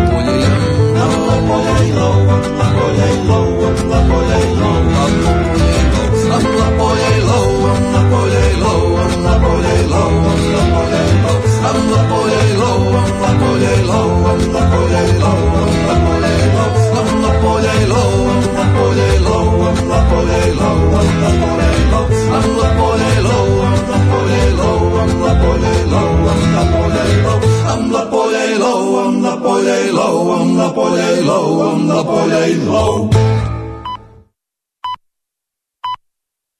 A la informació de les nostres comarques, les comarques del Ripollès, Osona, el Moianès i el Vallès Oriental. Les restriccions anticovid vigents a Catalunya van tornar a canviar divendres. La principal novetat és que s'ha eliminat el topall que limitava les trobades socials o familiars i que tenien un màxim de 10 persones. També es va eliminar la limitació pel que fa a l'aforament en centres de culte, que era del 70%, i la resta d'aforaments també es van ampliar. De fet, a les portes de l'11 de setembre, un dels canvis en les restriccions va ser que ara ja es permeten les manifestacions no estàtiques, com s'ha pogut veure aquest cap de setmana a diferents punts de Catalunya. Tot i això, el gruix de les mesures continua vigent. La mascareta continua sent obligatòria i la restauració ha de mantenir l'horari de tancament a dos quarts d'una de la matinada amb un límit de 10 comensals per taula a l'exterior i 6 a l'interior. L'oci nocturn també continua tancat en espais interiors i a l'exterior poden obrir amb la mateixa limitació horària que la restauració, tot i la relaxació de les mesures. Salut fa una nova crida a vacunar-se. Ana Moreta és la directora del Servei d'Atenció Primària Osona. Una altra vegada fer una crida als majors de 12 anys que es poden vacunar, que es vacunin al màxim possible per intentar pues, que no s'hagin de confinar, que es pugui mantenir la normalitat. Portem pràcticament dos cursos escolars que han estat molt complicats, a universitats també ha estat molt complicat, no han pogut fer presencialitat eh, des de fa un any i pico i això també, vulguis que no, eh, pels alumnes també és, és, és una cosa que els hi deixa una mica d'empremta. De, la campanya Vacuna't ara comença bé el curs. Pretén que els alumnes retornin a les aules immunitzats amb especial atenció a la comunitat universitària per acabar de millorar les xifres de vacunació. A més, durant aquestes properes setmanes, entre les 4 de la tarda i les 8 del vespre, el recinte firal del Sucre de Vic obre com a punt de vacunació sense cita prèvia. A Cardedeu, com a tot arreu, avui també comença el curs escolar. L'any passat el departament va dotar amb 27 mestres més als centres de Cardedeu i aquest any ho fan 23, ja que la pandèmia ha millorat però encara hi ha una manca de personal important tenint en compte el número d'alumnes. Núria Lázaro, de Ràdio i Televisió Cardedeu. 4.136 alumnes han començat avui el curs escolar 2021-2022 a Cardedeu, 54 alumnes més que l'any passat i amb 4 grups nous. L'escola Ramon Massip Dolors Graners ha recuperat les línies que havia perdut anys anteriors a P5 i a primer de primària i l'escola Germans Corbella i les Aigües han sumat una línia a tercer i quart de primària. Ens ho explica Dolors Sala, regidora d'Educació. L'escola Dolors Graners tindrà un grup més de P5 i de primer. Com sabeu, eh, pujaven amb una línia aquests últims anys, tornem a duplicar. Es donarà un grup més de tercer a l'Escola Germans Corbella i un grup més de quart de primària a l'Escola Les Aigües. Aquest any es poden barrejar els grups de convivència estable amb d'altres grups sempre que es faci ús de la mascareta a l'hora del pati. Entre convivents del mateix grup bombolla podran estar sense l'aire lliure. En el marc de les mesures contra la Covid-19 continua la iniciativa presa el curs passat de crear espais d'espera segurs i amplis. S'esglaonen les entrades i sortides als centres escolars i en alguns carrers s'efectuen talls de trànsit temporals. L'escola Núria Morell Pi de Planoles, al Ripollès, estrena escola bressol amb dos alumnes de P2. Isaac Muntades, des de la veu de Sant Joan. Des d'aquest dilluns, Planoles ja compta amb el servei d'una escola bressol a l'escola rural Núria Núria Morell Piser com Ternau per nens d'entre 1 i 3 anys. Ja feia temps que l'Ajuntament i l'escola volien fer aquest pas, però l'empenta definitiva la van donar fa un any dues famílies amb nens petits que enguany cursaran P2. De fet, aquest primer curs l'escola Bressol només comptarà amb dues criatures. Una d'elles és l'Artur, de dos anys, que és el fill de l'Elona Benieva, una de les mares que va sol·licitar el servei i que creu que és important per un poble tan petit. A més a més, Benieva està embarassada i ben aviat espera que hi hagi una nova incorporació a la llar d'infants. El seu altre fill, l'Alan, ja té 5 anys i estudia a l'escola, que compta amb 17 alumnes de 4 a 12 anys. De cara al curs vinent ja hi ha assegurats dos infants que començaran a P1. L'alcalde de Planoles, David Verge, va agrair a l'escola i a les diferents administracions la feina feta durant el darrer any en matèria de documentació i burocràcia. Per tal de fer realitat el projecte, el consistori ha invertit 26.000 euros per adequar el centre. Les obres han consistit a posar un terratou a fora i a canviar el de dins, en la substitució de les finestres, en posar protectors a diversos racons del centre, com per exemple els radiadors, a instal·lar un moble pel canvi de bolquers o en fer un lavabo més petit. A més a més, els pares i l'equip de govern s'han dedicat a repintar la façana. Al pressupost de l'any vinent, l'Ajuntament també habilitarà una partida de 30.000 euros perquè la Generalitat contracti una tècnica d'educació infantil. L'alcalde espera que les subvencions per a les escoles rurals s'incrementin. Nosaltres rebem el que paguen els pares, que en aquest cas són 118 euros al mes, doncs per 10 mesos 1.180 per cada alumne i després els 1.600 euros. Doncs si ara rebíem 3.200 euros per alumne aprox, doncs segurament ens va dir el conseller González Cambrai que rebrem més diners. Per tant, aquests 30.000 en el pressupost no ens costarà tant, és a dir, tindrem més ingressos i bueno, ja ens diran a veure quina xifra, que esperem que sigui generosa. Verge també va remarcar que l'escola Bressol servirà per donar servei als nuclis urbans més pròxims com Dòrria, Navà, Ventolà, Toses o Fornells de la Muntanya i evitarà que la gent marxi del poble i que n'hi pugui venir a viure més. De fet, l'alcalde també va explicar que tenen un problema greu per disposar d'habitatge a preu assequible i ho va il·lustrar amb un exemple. I hem de lluitar perquè aquests 12 pisos que fa 15 anys que estan tancats, doncs hem d'arribar a un acord amb el Ministeri de Mobilitat i Agenda Urbana, doncs aquests 12 pisos passin a ser vivenda social, perquè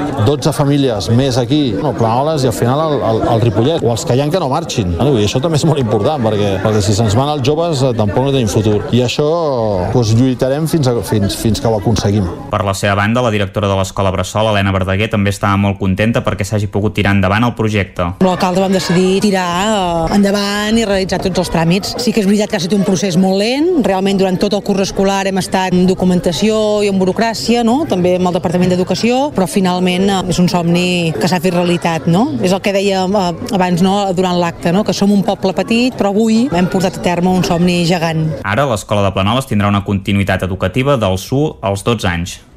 Els ajuntaments de Sant Vicenç de Torelló i Torelló s'han posat d'acord per començar a treballar en un pas per a vianants i bicicletes que uneixi els nuclis de Vilaseca i el barri de Montserrat de Torelló, seguint el traçat de la carretera actual. El projecte ha d'estar finalitzat abans d'acabar l'any i el cost de l'obra pot vorejar els 700.000 euros. El nou camí començarà a la plaça de la fàbrica de Vilaseca i acabarà al carrer Espadamal, al barri de Montserrat de Torelló, un traçat relativament curt que no arriba al mig quilòmetre però molt complexa ja que a una banda de la carretera hi ha el tren i a l'altra un marge que dona al canal del riu Ter. Això fa que els costos per metre de construcció siguin molt més elevats que els dels camins que ja existeixen, que enllacen en Sant Vicenç de Torelló, Sant Pere i Torelló i que el preu final de l'obra pugi, pugui rondar, perdoneu, els 700.000 euros. Eric Sivina és l'alcalde de Sant Vicenç de Torelló. És un camí que malauradament doncs, és tot volat perquè té un marge molt elevat que dona a baix al riu, al riu Ter. Eh, per tant és una complexitat eh, importantíssima en aquest vial per això té aquest sobrecost eh, importantíssim perquè ha de ser tot eh, diguéssim ampliació de carretera més un voladís eh, ferm doncs, que pugui permetre aquesta circulació de persones. I evidentment doncs, això ho encareix eh, tot eh, extremadament. Eh, però tot i així doncs, eh, nosaltres entenem i creiem fermament que ha de ser una realitat el més aviat possible doncs, per donar solució i sortida a aquestes problemàtiques que tenim amb els veïns que volen accedir a Torelló i no tenen altra alternativa que passar per la carretera amb la perillositat que això implica. El projecte que ja està redactant la Diputació de Barcelona estarà acabat abans de finalitzar l'any per la seva execució, però de moment no hi ha terminis. Doncs bé, no ens podem marcar un termini perquè la carretera és titularitat de Diputació de Barcelona. Eh, nosaltres el que farem com a ajuntaments, tant Sant Vicenç com Torelló, és, és apretar i treballar intensament, un, per tenir el projecte redactat ja aquest 2021, que així s'han compromès, i dos, un cop tinguem el cost total de l'obra, doncs eh, poder eh, veure i assentar-nos en Diputació quina part podrien assumir ells i quina part tocaria als dos municipis i a partir d'aquí doncs treballar, moure'ns i buscar aquests recursos i aquest finançament doncs, per poder tirar endavant l'obra que tots eh, desitgem que es tiri endavant. Tot i que gran part del nou camí transcorre en terme municipal de Torelló, els dos ajuntaments han acordat que aniran a mitges a l'hora de finançar la part de l'obra que no assumeixi la Diputació, ja que els grans beneficiats serien els veïns i veïnes de la colònia de Vilaseca. Un cop el vial sigui una realitat, tots els nuclis de la vall del Gès passarien a estar connectats a través de camins per vianants i ciclistes. Veïns del barri de Figueretes, a Sant Feliu de Codines, denuncien falta de salubritat al clavegaram de la zona. Caral Campàs, des d'Ona Codinenca. Montserrat Antolín, propietària d'una parcel·la extensa situada al carrer Figueretes, encapçala aquestes queixes. La veïna posa en relleu una problemàtica que fa anys que existeix, el clavegaram a cel obert que aboca aigües brutes fecals a diverses basses situades a la zona llevant del poble. Sentim Montse Antolín. El colmo va ser un, un dia que vam haver de marxar perquè feia temps que no havia plogut, va caure tal mà de porqueria, eh, es van morir els peixos de la bassa de cop, tot surant, i a més a més a la bassa de casa també ve l'aigua de la font, que per això també s'anava compensant, amb aquestes aigües l'aigua de la font també es fa malbé, bueno, van morir tots els peixos i vam haver de marxar de la pudor que feia, era inevitable allò. Per la seva banda, el consistori actual ha mostrat el seu interès i voluntat en resoldre-ho. Mercè Serratacó, alcaldessa, admetia que de moment no tenen una partida econòmica per poder tirar-ho endavant, però apuntava que compten amb el pla director de clavegaram. Però ja et dic, com a mínim sí que hem avançat en un tema, i és que hi ha un pla directiu de, director de clavegaram. Val. Això vol dir que és un pla que abarca tot el municipi i que marca el que hi ha i el que hi hauria d'haver. Val? Això és el pla director de clavegaram, que en, algun, en la majoria de llocs està perfecte, en algun lloc no tant. Però bueno, és, això ja ho sabem. Segons Serratacó, aquest tram de clavegaram, que és d'uns 300 metres, podria arribar a costar 60.000 euros. Esports. Les patinadores del Club de Patinatge Artístic Tona han iniciat un seguit d'accions amb l'objectiu de recollir diners per anar al Mundial de Patinatge Artístic. El campionat es farà a finals d'aquest mes, al Paraguai, i el pressupost per cada patinadora voreja els 1.700 euros. La temporada passada el Tona va fer uns resultats espectaculars al Campionat d'Espanya i això li va valdre la classificació per poder anar a competicions internacionals, entre elles el Mundial de Patinatge que es farà d'aquí a uns dies a Paraguai. A principis d'agost, entre la situació derivada de la pandèmia i l'alt cost del desplaçament, des del club van decidir renunciar al campionat, però a mesura que la situació sanitària va millorar, les patinadores van decidir que s'havia d'anar al Mundial. Sentim per aquest ordre Cristina Pla, capitana del grup de show gran del Tona, i també a Gemma Font, l'entrenadora de l'equip. no ens esperàvem arribar on hem arribat. Per nosaltres és un somni que el teníem molt lluny i, i tenir-lo ja a tocar és com, no sé, estar als núvols eh, des del moment en què ho vam saber. s'afronta amb molta il·lusió i suposo per aquest punt tothom, famílies, pares, eh, les mateixes patinadores han in intentat fer qualsevol iniciativa per poder arribar a assolir això i no haver de renunciar a una oportunitat que és única. Un cop decidit que s'aniria al Mundial, el problema era el finançament. El viatge costa uns 1.700 euros per patinadora i ni la federació ni el club disposen de recursos. És per això que es va decidir impulsar una campanya per recollir diners a través de tres vies. Micromecenatge a través d'internet, demanar col·laboració a empreses privades i també la venda d'uns braçalets molt especials, ho explica Cristina Pla. Aquests braçalets, cadascun d'ells hi té un quilòmetre que ens separa de, de Paraguai, que és el, doncs la, la recta final, l'arribada, no? i doncs cada braçalet eh, val dos euros i mica en mica doncs anem augmentant aquesta xifra. Normalment els diners per participar en competicions d'aquest tipus s'aconseguien organitzant activitats o exhibicions, però a causa de la pandèmia aquesta havia s'hagut de descartar. El Tona serà l'únic club usonenc que serà al Mundial i ho farà eh, per partida doble i participarà en la modalitat de show petit amb 15 patinadores i a la show gran amb 27 patinadores. El Mundial es disputarà del 29 de setembre al 9 d'octubre a Asunción, al Paraguai. I fins aquí el butlletí de notícies de les 10 del matí que us hem ofert amb Clàudia Dinarès, Núria Lázaro, Calca, Caral Campàs i Isaac Muntades. Ara el que farem és refrescar la informació meteorològica per saber el temps que ens espera per a les properes hores.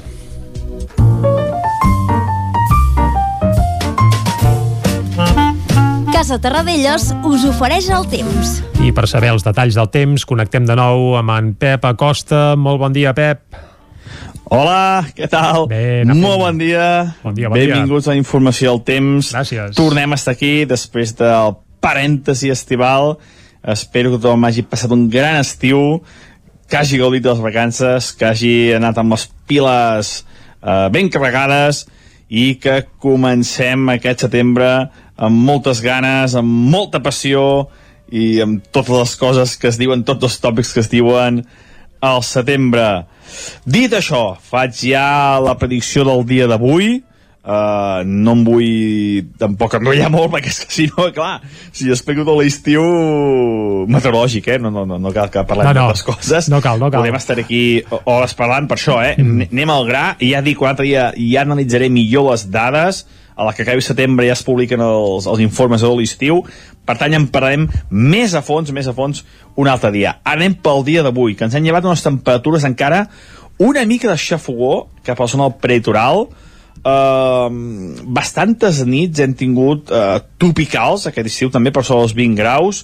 Avui encara una zona per sobre els 20 graus al prelitoral però on es nota ja de frescada és cap a l'interior, temperatures de majoria entre els 15 i els 20 graus, ja es dorm molt bé a l'interior, i més amb les tempestes d'ahir, que van deixar 44 litres a Calç de Montbui, 33 a Sant Feliu de Codines, també va ploure cap a Mollanès, eh, cap a Osona també va ploure, podent no valors tan importants, i ahir va tocar aquesta zona peritoral on, on va ploure més. Uh, hi ha pocs núvols ara mateix, hi ha molt de sol, moltes clarianes. A la tarda s'ennuvolarà una mica, però no es preveuen les pluges d'ahir. Avui les pluges afectaran més cap a Ponent. Nosaltres quedem una mica més al marge. No es descarta quatre gotes al nord d'Osona i cap al Ripollès, però si avui plou seran quatre gotes, ni molt menys seran les pluges d'ahir. Les temperatures quedaran molt semblants, la majoria màximes entre 22 i 27 graus. Els pròxims dies de la setmana tenim una perturbació a l'oest de la península, se'ns anirà acostant i sembla que serà bastant més inestable i amb bastanta més pluja. Però bueno, els mapes, com sempre dic, van ballant, queden molts dies i veurem què acaba succeint. I ja està, uh, avui he, he tirat una mica més, però clar, volia fer una mica de resum de, de l'estiu. Moltíssimes gràcies, estic molt content de tornar a estar aquí amb tots vosaltres. Espero que sigui una gran temporada i que tots puguem gaudir junts de- d'aquest programa. Moltes gràcies i fins demà. Adéu, bon dia. Doncs vinga, fins demà, Pep Acosta. Deixem aquí la meteorologia. Avui torna en Pep Acosta, el nostre home del temps, i aquesta setmana el que també torna és el Mercat de Música Viva de Vic. D'això en parlarem de seguida aquí, a Territori 17. Fins ara mateix. Casa Tarradellas us ha ofert aquest espai. Territori 17. Envia'ns les teves notes de veu per WhatsApp al 646 079 023. 646 079 023. WhatsApp Territori 17.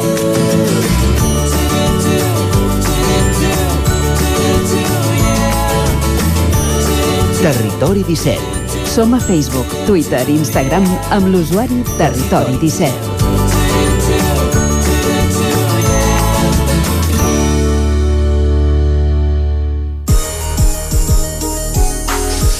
Passen dos minuts d'un quart d'onze del matí, seguim en directe aquí a Territori 17. Aquest dimecres comença la 33a edició del Mercat de Música Viva de Vic. Durant quatre dies hi haurà un total de 62 concerts en set escenaris repartits per tota la ciutat, dels quals 53 estaran oberts al públic. No hi haurà, però, actuacions al carrer, tampoc a la plaça Major, ni tampoc a l'escenari del Sucre, cosa que demostra que encara no estem en una edició normal, però és evident que la tendència és a recuperar-la en un horitzó proper i que si comparem el mercat d'enguany amb el de l'any passat s'ha fet un salt endavant important. Per conèixer tots els detalls ens acompanya ara mateix el seu director artístic, el Marc Lloret. Marc, molt bon dia. Hola, molt bon dia, com esteu? Ah, molt bé, una edició del mercat molt més presencial que la de l'any passat, eh? Ho teníeu clar ja des de la primavera que això seria possible? No, teníem l'esperança, i de fet teníem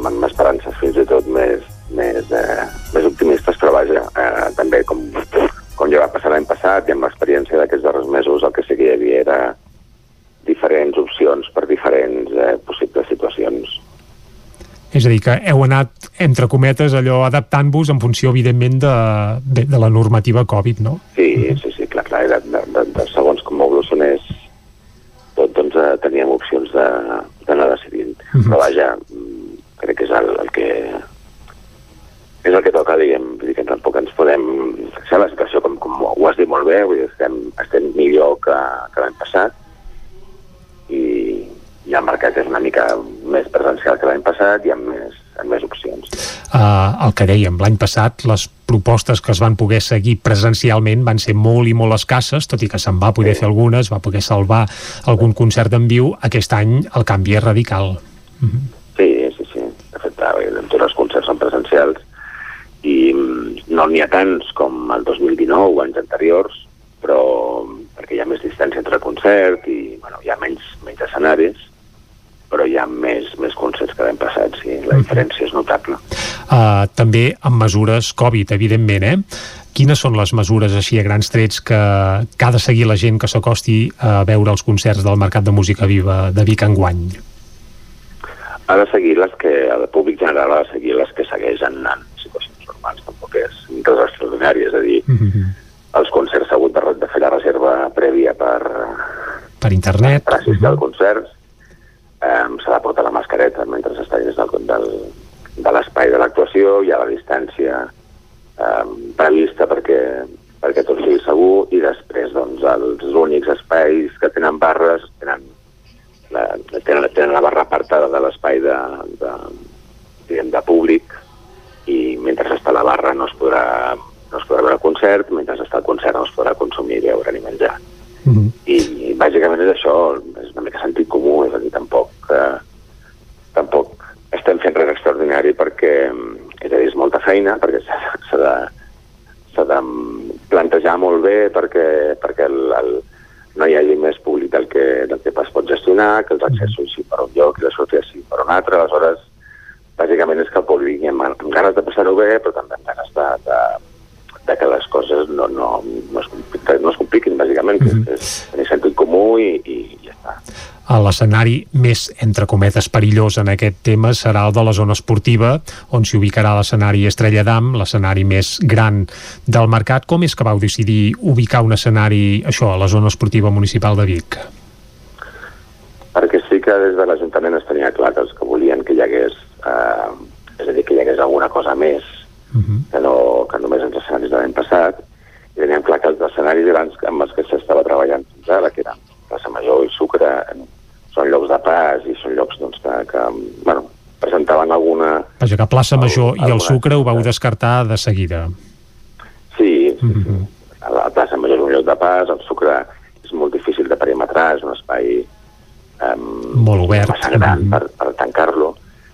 I, I això, l'opció aquesta de la zona esportiva, que és un espai que ja està tancat i que és un espai molt gran, que per tant permet eh, dissenyar un espai de platea amb molta distància, amb unes barres que estiguin separades i que, i que cadascú estigui a una zona separada. És a dir, per, és, és, una zona, és un espai que permet mm, diguem, això, eh, di- dissenyar una, una, una platea i una, i una distribució de barres i, i un accés i una sortida doncs, és bastant, eh, bastant segur. Per la gent que ens escolta, serà el mateix indret que es va fer al Cobró Rock, per exemple, sí, Ah, oi? exactament. Mhm. Ah, exactament. Evidentment, en públic assegut, mascareta, distàncies, etc etc i tots els protocols lligats a les mesures anti-Covid. Mhm. Ah, exacte. I, per cert, Marc, apuntem que en aquest escenari mm, hi ha un petit canvi d'horaris, eh, respecte al que s'havia Ah, avançat fa uns mesos. Eh, S'avancen els concerts, oi? Avancen una hora i mitja. Havien de començar a les 11, començaran a les 9.30 i el segon concert era a les... començava a les 12, doncs ara començarà a les 10.30, 11. Mm -hmm. Això comença a les 9.30 i el següent a les 10.30 a les 11. La, la idea és que tot pugui acabar eh, entre un i dos quarts d'una. És l'horari amb el que ens hem de ara mateix. Si teníem l'esperança doncs, que es pogués acabar més tard, com que no, que no, això, no ha avançat, doncs ja ha anat tomar l'horari i ja està. Mhm. El que no veurà la gent que s'acosti a Vic aquest cap de setmana és concerts al carrer. Això suposo que encara és complicat, eh? Recuperar aquell caliu i aquella màgia que respirava pels carrers de Vic eh, abans de la pandèmia. Sí, perquè a més a més és una de les, és una, de les, és una pena perquè és una de les coses que més eh, eh, distingeix a, a, al, al mercat de música, no? que vas ensopegant en concerts a racons, a placetes i a carrers i, i això doncs, ara mateix el que fa és complicar molt perquè, perquè obstaculitza el pas i, i, i pot generar situacions que aleshores que són molt difícils de gestionar i tants espais al carrer que, que s'hagin de, diguem, que, que s'hagin de controlar i que s'hagin de, de complicar massa les coses. I creiem que és molt més sensat doncs, esperar un any més i l'any que ve doncs, ja, Tant de bo, tant de bo l'any que ve puguem tenir un mercat com els que havíem conegut de, de tota la vida. Al mercat, a part de músics, també hi ha programadors. L'any passat tots van acudir a Vic des de casa, virtualment. Aquest any eh, ja tindrem programadors que trepitjaran la ciutat dels Sants, sí? Sí, s'ha limitat l'aforament i el, dels, entre 700 i 900 que venien als, als anys eh, de presencialitat, doncs eh, s'ha limitat l'aforament a 500 eh, programadors i aquests programadors han de venir amb el seu, amb el seu certificat Covid, és a dir, han d'estar o bé vacunats o bé, o bé han de tenir alguna prova feta i si no, doncs també s'instal·larà una, un, raconet, una carpa on es podrà fer una, un test d'antígens per, per garantir que tota la gent que està allà, encara que han d'estar amb mascareta i encara que compliran les, les, Les normatives Covid. Les Mhm. normatives, eh, volem també que hi hagi aquest, aquesta, aquesta seguretat de que com a mínim ningú, ningú dels que estem allà a priori poden, poden contagiar. Mm -hmm. no et demanarem pas per la programació perquè seria tot molt llarg qui vulgui que la consulti a mmbv.cat que vagi cap a la web una aplicació, una aplicació, una aplicació que està molt bé, que és molt, Mhm. molt intuïtiva i és on tots els, tots els concerts i crec que és molt recomanable. el que sí que explicarem és que molts dels concerts ja compten amb entrades exaurides i alguns des de fa uns dies eh? per tant l'acollida en aquest sentit suposo que n'esteu contents també eh? Sí, però també, bueno, esclar, és un d'aquests, és un dels, dels problemes dels aforaments, que, que limites d'aforament, els aforaments són més petits que en altres ocasions, i a part hem de garantir que hi haurà aquesta distància de seguretat entre, entre els espectadors, per tant, sí, les, les entrades l'exaureixen abans del que, del que desitjaríem, voldríem que hi pogués anar més gent, però bueno, en el cas, evidentment, estem satisfets perquè això vol dir que ja la programació interessa.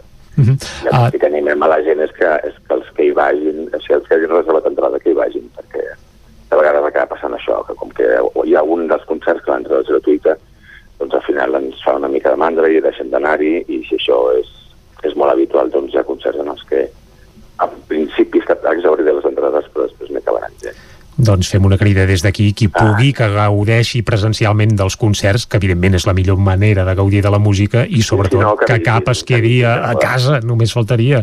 I a més tots som sota cobert pràcticament, per tant si plou no hi ha problemes perquè a l'Atlàntida els concerts es fan igual. I a la zona esportiva si plou eh, suposo que l'escenari també està cobert, oi Marc? L'escenari sí, tots els escenaris estan coberts, el, el,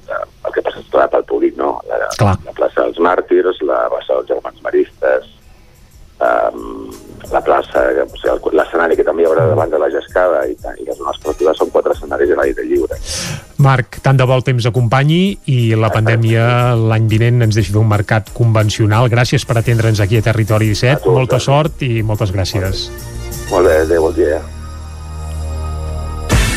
El nou FM, la ràdio de casa, al 92.8. A Aquari Jordi hi trobaràs periquitos, canaris i tot tipus d'ocells, conills, hàmsters, ratolins, rates índies, peixos tropicals i molt més. Aquaris, tortugues, joguines i tots els complements i menjars per tot tipus d'animals. Aquari Jordi som al carrer Nou número 34 de Vic i també a Instagram. Troba'ns a aquarijordi.com. Oferta de pinços pel teu gat o gos i descomptes en llits, matalassos i joguines. Aquari Jordi us desitja bon mercat de música viva. OBS, la marca de moda líder a Itàlia, arriba a Vic amb la col·lecció per nens fins a 15 anys. Vesteix els petits amb roba OBS, peces fabricades amb cotó orgànic pensades especialment per la pell dels infants.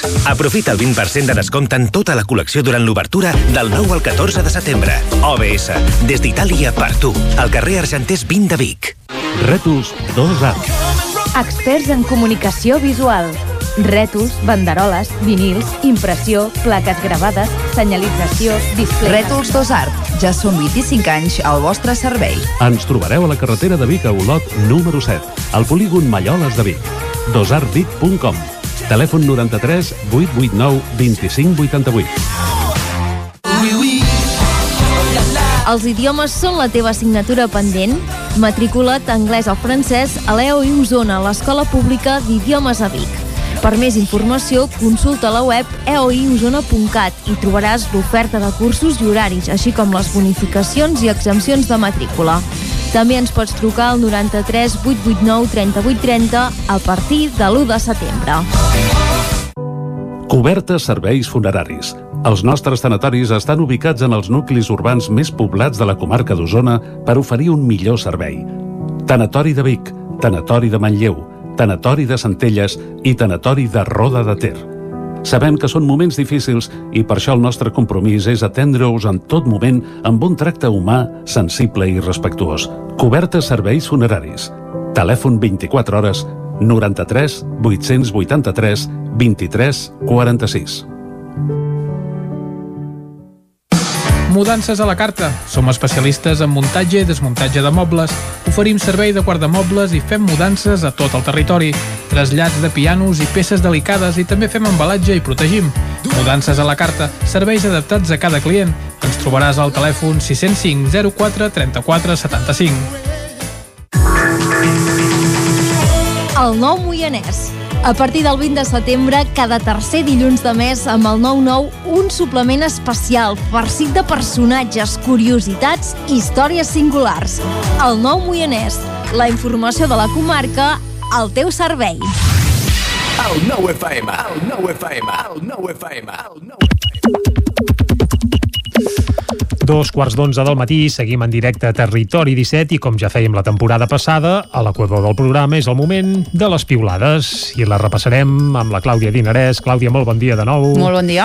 Què diu a Twitter? Què s'hi cou? A veure, avui les piulades se centren clarament en el tema del dia, que és l'inici del curs Escolar. escolar Els òbviament. que som pares estem que no t'ho imagines, Clàudia.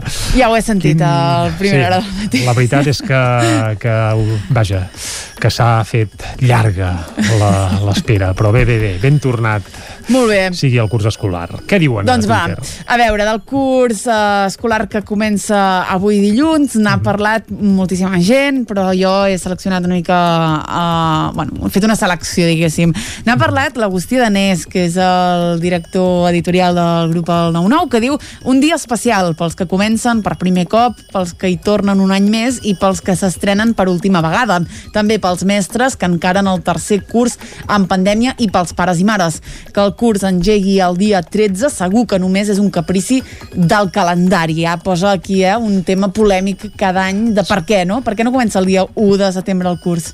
Bé, jo no sé si ho diu per lo de dimarts i 13 o que el 13 sigui un número així d'allò o ho diu perquè és massa tard, eh? És dilluns, eh? És avui. dilluns, clar, també és veritat, eh? Som dilluns, correcte. Per tant, no... Sí, no seria, No seria aquest dimarts el cas. 13. És correcte. En fi... Bé, això és l'etern debat, però a Catalunya l'escola, si més no primària i secundària, sempre ha començat després de la diada. Uh, a mi no em faria per res, eh? Que comencessin l'1 de setembre, ja t'ho ben asseguro. Molt bé. Però bé, A veure, de l'inici del curs també n'ha parlat en Jordi Ginesta, ell és mestre, també és músic de Centelles, que diu quants mestres demà, o sigui, avui, demanaran als seus seves alumnes on han anat de vacances i rebran per resposta un a la platja o a la muntanya despersonalitzat. Cuidar la terra també és conèixer-la explicar a fills i filles l'entorn amb totes les lletres i donar-li uh, valor. El hashtag és SOS Espais Naturals de TV3, uh, una programació doncs, que també ha estat molt i molt comentada a les xarxes. Uh, seguim amb l'inici del curs escolar, també n'ha parlat l'alcaldessa de Vic, Anna R, que ha dit uh, les aules es tornen a omplir a les escoles de Vic amb l'inici del nou curs, gràcies a tota la comunitat educativa que treballeu per fer-lo encara més segur i per la responsabilitat davant d'un curs marcat encara per la pandèmia. També n'ha parlat en Pep Carol, que diu sentiu aquest soroll? És el silenci de casa buida de canalla. això poder va per la Inés Arrimadas, eh? Quim Torra també va reproduir una vegada una frase similar al Parlament de Catalunya i va fer molta fortuna. Seguim. Molt bé. Uh, en Marc Camacho, regidor de Capgirem Vic, no comença el curs, però sí que dona per finalitzat l'estiu. Diu, quan s'acaba la festa major del Remei és sinònim que l'estiu ja arriba a la seva fi. I a més a més adjunta un vídeo del Castell de Focs, doncs, que ahir diumenge va donar el punt final uh, d'aquesta festa major. I qui tampoc comença el curs és la Míriam El Mahadab, és una habitual de les piulades, que diu sentint-me molt vella perquè demà ja no començo la uni. Per tant, eh, la Míriam ha acabat la carrera, eh, comença una nova etapa. I deixem estar de L'inici de l'inici de curs. i acabem amb un toc d'humor de la mà, com sempre, d'en Jordi Ramolins, Què que diu des del ahir Ripollès, en Remolins? m'ha fet molta gràcia que ahir va dir quan dic que em carregaria el 80% de la població humana mundial, en realitat em refereixo al 97 o 98%. Jo inclòs. Bufa, en Remolins, que no es talla mai, eh? Ai, ai, ai. En fi, ho deixem aquí, eh, per avui. Si no fos cas que entréssim en aquest 97 o 98%. Clàudia, moltes gràcies. Que vagi molt bé. I de les piulades anem ara a conèixer què diuen en aquests moments les portades del 99.cat. Ho farem amb l'Arnau Jaumira. Arnau, comencem per l'edició vermella d'Osona i el Ripollès. Correcte, sí. Què diu el 99.cat ara mateix? El Ripollès obre amb una crònica diu a l'avantguarda de la nova era perquè el Centre Blockchain de Catalunya obrirà l'octubre a Vic una subseu especialitzada en alimentació i begudes. Eh? Això del blockchain i de la revolució digital anirem sentint a parlar segur. Uh -huh. uh, també obren portada amb Sant Pere uh, suposa a un macroparc fotovoltaic a la zona de la Bola Uh, mor una dona de 84 anys atropellada per un conductor begut a Mollà. D'aquest tema de seguida n'ampliarem detalls perquè en parlarem a la taula de redacció amb la Caral Campàs. Uh -huh. I també a la portada una fotografia de Jordi Sunyer i Isaac Moreno al territori 17 del 9FM i el 9TV, eh, que torna eh, també, evidentment, a la veu de Sant Joan, una codinenca i Ràdio Cardedeu, doncs aquest avui eh, que tornem, no? Ja Sí, la sí, notícia... no tornen només les escoles, No, no. també tornem nosaltres. També tornem nosaltres. I tant que sí. I anem, anem cap al Vallès Vallès, Oriental, a l'edició de color verd. L'edició de color verd. Què diu el 99.cat del Vallès? Un accident a la Roca i la pluja compliquen el trànsit de l'AP7 en la tornada del cap de setmana. Ho explicàvem també en repassant les portades eh, d'àmbit nacional abans, que aquestes grans cues que es van generar ahir a la tarda, més de 20 quilòmetres a la, a la Roca, amb això agreujat per la pluja i per, per accidents, per tant més complicat encara. També en portada eh, Núria Vilarnau, el país no n'aprenem i es continua especulant amb el preu de l'habitatge i una, una crònica que es diu L'hora del pati que doncs, eh, és una exposició del fotògraf Josep Maria Miquel eh, a Sant Celoni. Doncs Arnau, moltes gràcies.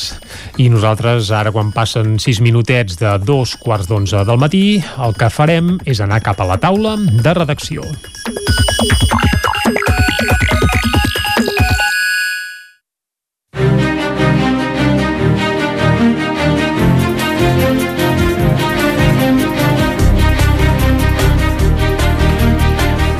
La taula de redacció, cada dia aquí a Territori 17 ampliem algunes de les principals informacions de les nostres comarques i avui qui ens acompanyarà a la taula seran els periodistes Isaac Muntades i Caral Campàs. I comencem amb l'Isaac Muntades, que ja ha començat el curs i bé, no sé si ell havia anat mai a escola a Planoles, diria que no. Isaac, perquè tu ets de Can de Bànol, eh? Exacte. Jo havia anat a la llar d'infants dels Barrufets, de Can Davano. Per Oh. tant, no, no vaig tenir el gust d'anar a l'escola Bressol de Planoles. De fet, fins ara no hi havia anat ningú a l'escola Bressol de Planoles. perquè no n'hi havia. perquè no n'hi havia, exactament.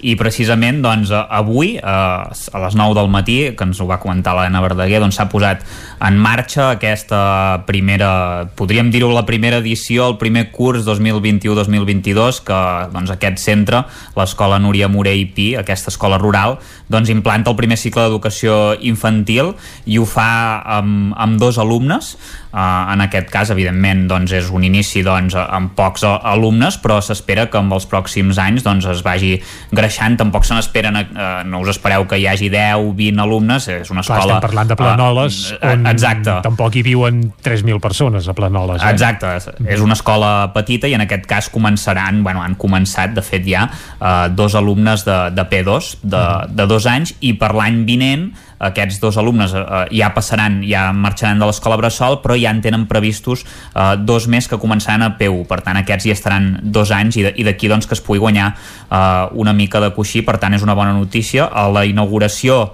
eh, pròpiament dita de, de l'escola es va fer el, el divendres en un acte eh, on hi havia força, força gent, forces autoritats també i doncs es va poder veure una escola a més a més eh, remodelada, renovada eh, de fet fins a les 4 de la tarda estaven pintant eh, la façana vull dir que encara s'està posant a punt doncs exacte, els, el, Van tant apurar, els professors. sí, sí, sí, van apurar com els pares com el mateix alcalde, eh? l'alcalde també estava pintant la façana, vull dir que imagineu-vos la implicació que hi ha doncs perquè eh, això surti bé i, i l'han remodelat eh, de cap a peus una mica per dins, eh, hi han invertit uns 26.000 euros sobretot per adequar doncs, eh, proteccions per, a, per als eh, bebès, evidentment. Eh, són, són nens més aviat eh, petits, eh, evidentment. Hi han també posat eh, un moble per bolquers, per exemple, instal·lat un, un terra tou a fora i també eh, en una part de dins doncs, perquè hi puguin jugar i, i, de, i el pressupost de l'any vinent eh, també s'hi carregaran 30.000 euros més per contractar doncs, una tècnica d'educació infan- infantil que faci eh, de reforç. I per tant doncs, és una molt bona notícia ja et dic, són dos nens els que l'han estrenat o, um, vam poder parlar amb la mare d'un eh, que és la Lona Benieva. Ella és la mare i el seu fill l'Artur de dos anys eh, ja l'estrenarà Eh, de fet el seu germà també també està en, en aquesta escola, l'Alan que té 5 anys, ell eh, ja ha passat l'etapa de l'escola Ja Bressol és a primària, ja, sí. Exacte, ja és a primària. I a més a més la, la Lona estava embarassada vull dir que aviat eh, tindrem un altre nen que, que hi serà i, i amb l'altre eh, nen que havia de començar avui no vam poder parlar perquè encara estaven de, de vacances el, els pares i no van poder assistir uh, a l'acte però bé, és, uh, ja ho veieu que, que hem, han començat uh, amb bon peu i ara el que els hi falta, el que ens va dir l'alcalde que els hi faltava sobretot és uh, que hi hagi doncs, habitatge perquè puguin venir més famílies al poble a instal·lar-s'hi i puguin portar els nens a l'escola Bressol. És com una espècie de roda que, que mai s'atura i que la collada de Toses doncs, va, va comentar que hi havia doncs, uns pisos, 12 pisos concretament que fa 15 anys que, que estan tancats i que estan fent gestions amb el, amb el Ministeri de Transports, Mobilitat i Agenda Urbana doncs, per tal de que, que hi puguin venir a viure noves famílies i es pugui augmentar el gruix de nens que hi ha a l'escola Bressol. Home, n'és molt d'important que hi hagi escola per fixar gent al territori i si a més a més hi ha escola Bressol encara, encara més i millor i el Ripollès en va mancat de, de gent i població i sobretot en indrets com Planoles eh? Mm -hmm. Exacte, i, i recordar que Planoles eh, té bastants nuclis urbans a la vora que no tenen escola, com per exemple de Toses, Toses. Navà, Fornells de la Muntanya, Dòrria, vull dir, té, té bastants a Ventolà, fins i tot podríem afegir-hi i, i podrien anar en, en aquesta escola vull dir que també és un servei a, a la resta de pobles, de fet hi ha, en total hi ha uns 19 alumnes eh, entre els Mhm. nens que comencen P2 i els de primària Doncs tant de bo aquesta escola pugui seguir creixent perquè això serà una molt bona senyal i una molt bona notícia. Isaac, moltes gràcies per acostar-nos a aquesta inauguració de l'escola Bressol de Planoles i del Ripollès. Vosaltres. Anem ara a saludar la Caral Campàs, dona codinenca, que ens parlarà d'un tràgic accident que hi va haver a Mollà. Uh, Caral, molt bon dia. Hola, bon dia. do- Doncs Aquest accident sí, podríem eh, dir que és una darrera hora, eh? Uh, què va passar? Perquè crec que una dona va ser atropellada, eh? Sí, això va passar, eh, va succeir dissabte. Eh, Una dona de 84 anys, eh, veïna de, de Mollà, va morir conseqüència de les ferides patides després de ser atropellada a la carretera de Manresa. Eh, La C-141C, eh, que en el seu pas pel, pel nucli de Mollà, estava dins del poble quan, quan va succeir eh, això. A més, el conductor era un barceloní de 74 anys que va donar positiu a la prova d'alcoholèmia.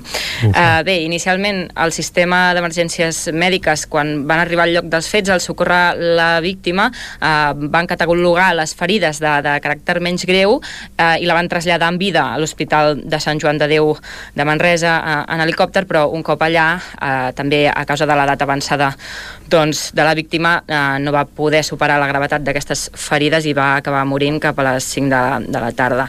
Eh, Comentar-vos també que fins al lloc del sinistre s'hi van desplaçar tres ambulàncies, una dotació de bombers i, i quatre patrulles dels Mossos. Eh, els Mossos van ser qui, qui van realitzar el test d'alcoholèmia al conductor, que com deia va donar positiu i per això han obert una investigació per determinar també tots els detalls del succés, mentre que el conductor ara per ara ha quedat en llibertat provisional. I pel que fa a accidents, dir-vos també que ahir, ahir diumenge, amb la quantitat de pluja que va caure, eh, no va ser un dia fàcil a Sant Feliu de Codines. Eh, cap als vols de les 5 de la tarda es van produir dos xocs a conseqüència de la pluja, però en aquest cas per sort sense ferits greus. Uh, un va ser dins del nucli urbà de, la, de Sant Feliu, a la carretera de Sant Llorenç amb el carrer Gallifa, i l'altre als afores, a Can Déu. Doncs, Caral, moltes gràcies per acostar-nos a aquesta crònica de successos, podríem dir, que han tingut lloc aquest cap de setmana tant a Sant Feliu com, com a Mollà. Moltes gràcies, t'esperem d'aquí una estona eh, que farem el repàs esportiu del cap de setmana, sí? Fins ara, sí. doncs vinga, fins ara. Falten dos minutets per tres, quarts, per tres quarts d'onze del matí. Seguim en directe aquí a Territori 17 i ara obrirem pàgina esportiva.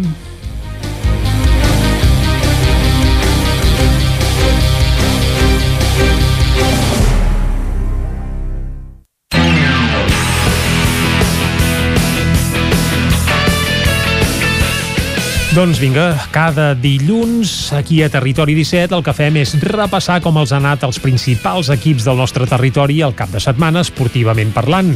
De moment la majoria de competicions encara han d'arrencar, les lligues convencionals, però l'activitat esportiva ja fa uns quants dies, unes quantes setmanes que està viva. És per això que és prou interessant saber com van escalfant motors els principals equips del nostre territori i farem, com fèiem sempre, també un repàs a cadascuna de les nostres seus per saber com els ha anat el cap de setmana esportiu als diferents equips. Aquest repàs el comencem anant a Ràdio Cardedeu amb l'Òscar Muñoz. Òscar, molt bon dia. Bon dia. Com ha anat el cap de setmana esportiu, eh? Sí, esportivament, doncs... del vostre doncs, territori. Sí. tenim, tenim, hem tingut partits aquest cap de setmana uh -huh. i doncs, bueno, aquí a Cardedeu doncs, no ha anat gaire bé però, però bueno, ja tenim altres equips doncs, de Granollers doncs, que sí que podem dir que els han anat força bé. Va, Així comencem que si pels de Cardedeu, comencem, si sembla, va. Ah, exacte. Doncs amb el primer equip que continua la pretemporada, on ahir al vespre van rebre les franqueses de la primera catalana al municipal de Cardedeu. El duel va acabar amb derrota pels cardedeuencs que també venien de perdre el, el primer partit de la pretemporada per un gol a dos contra el Cerdanyola.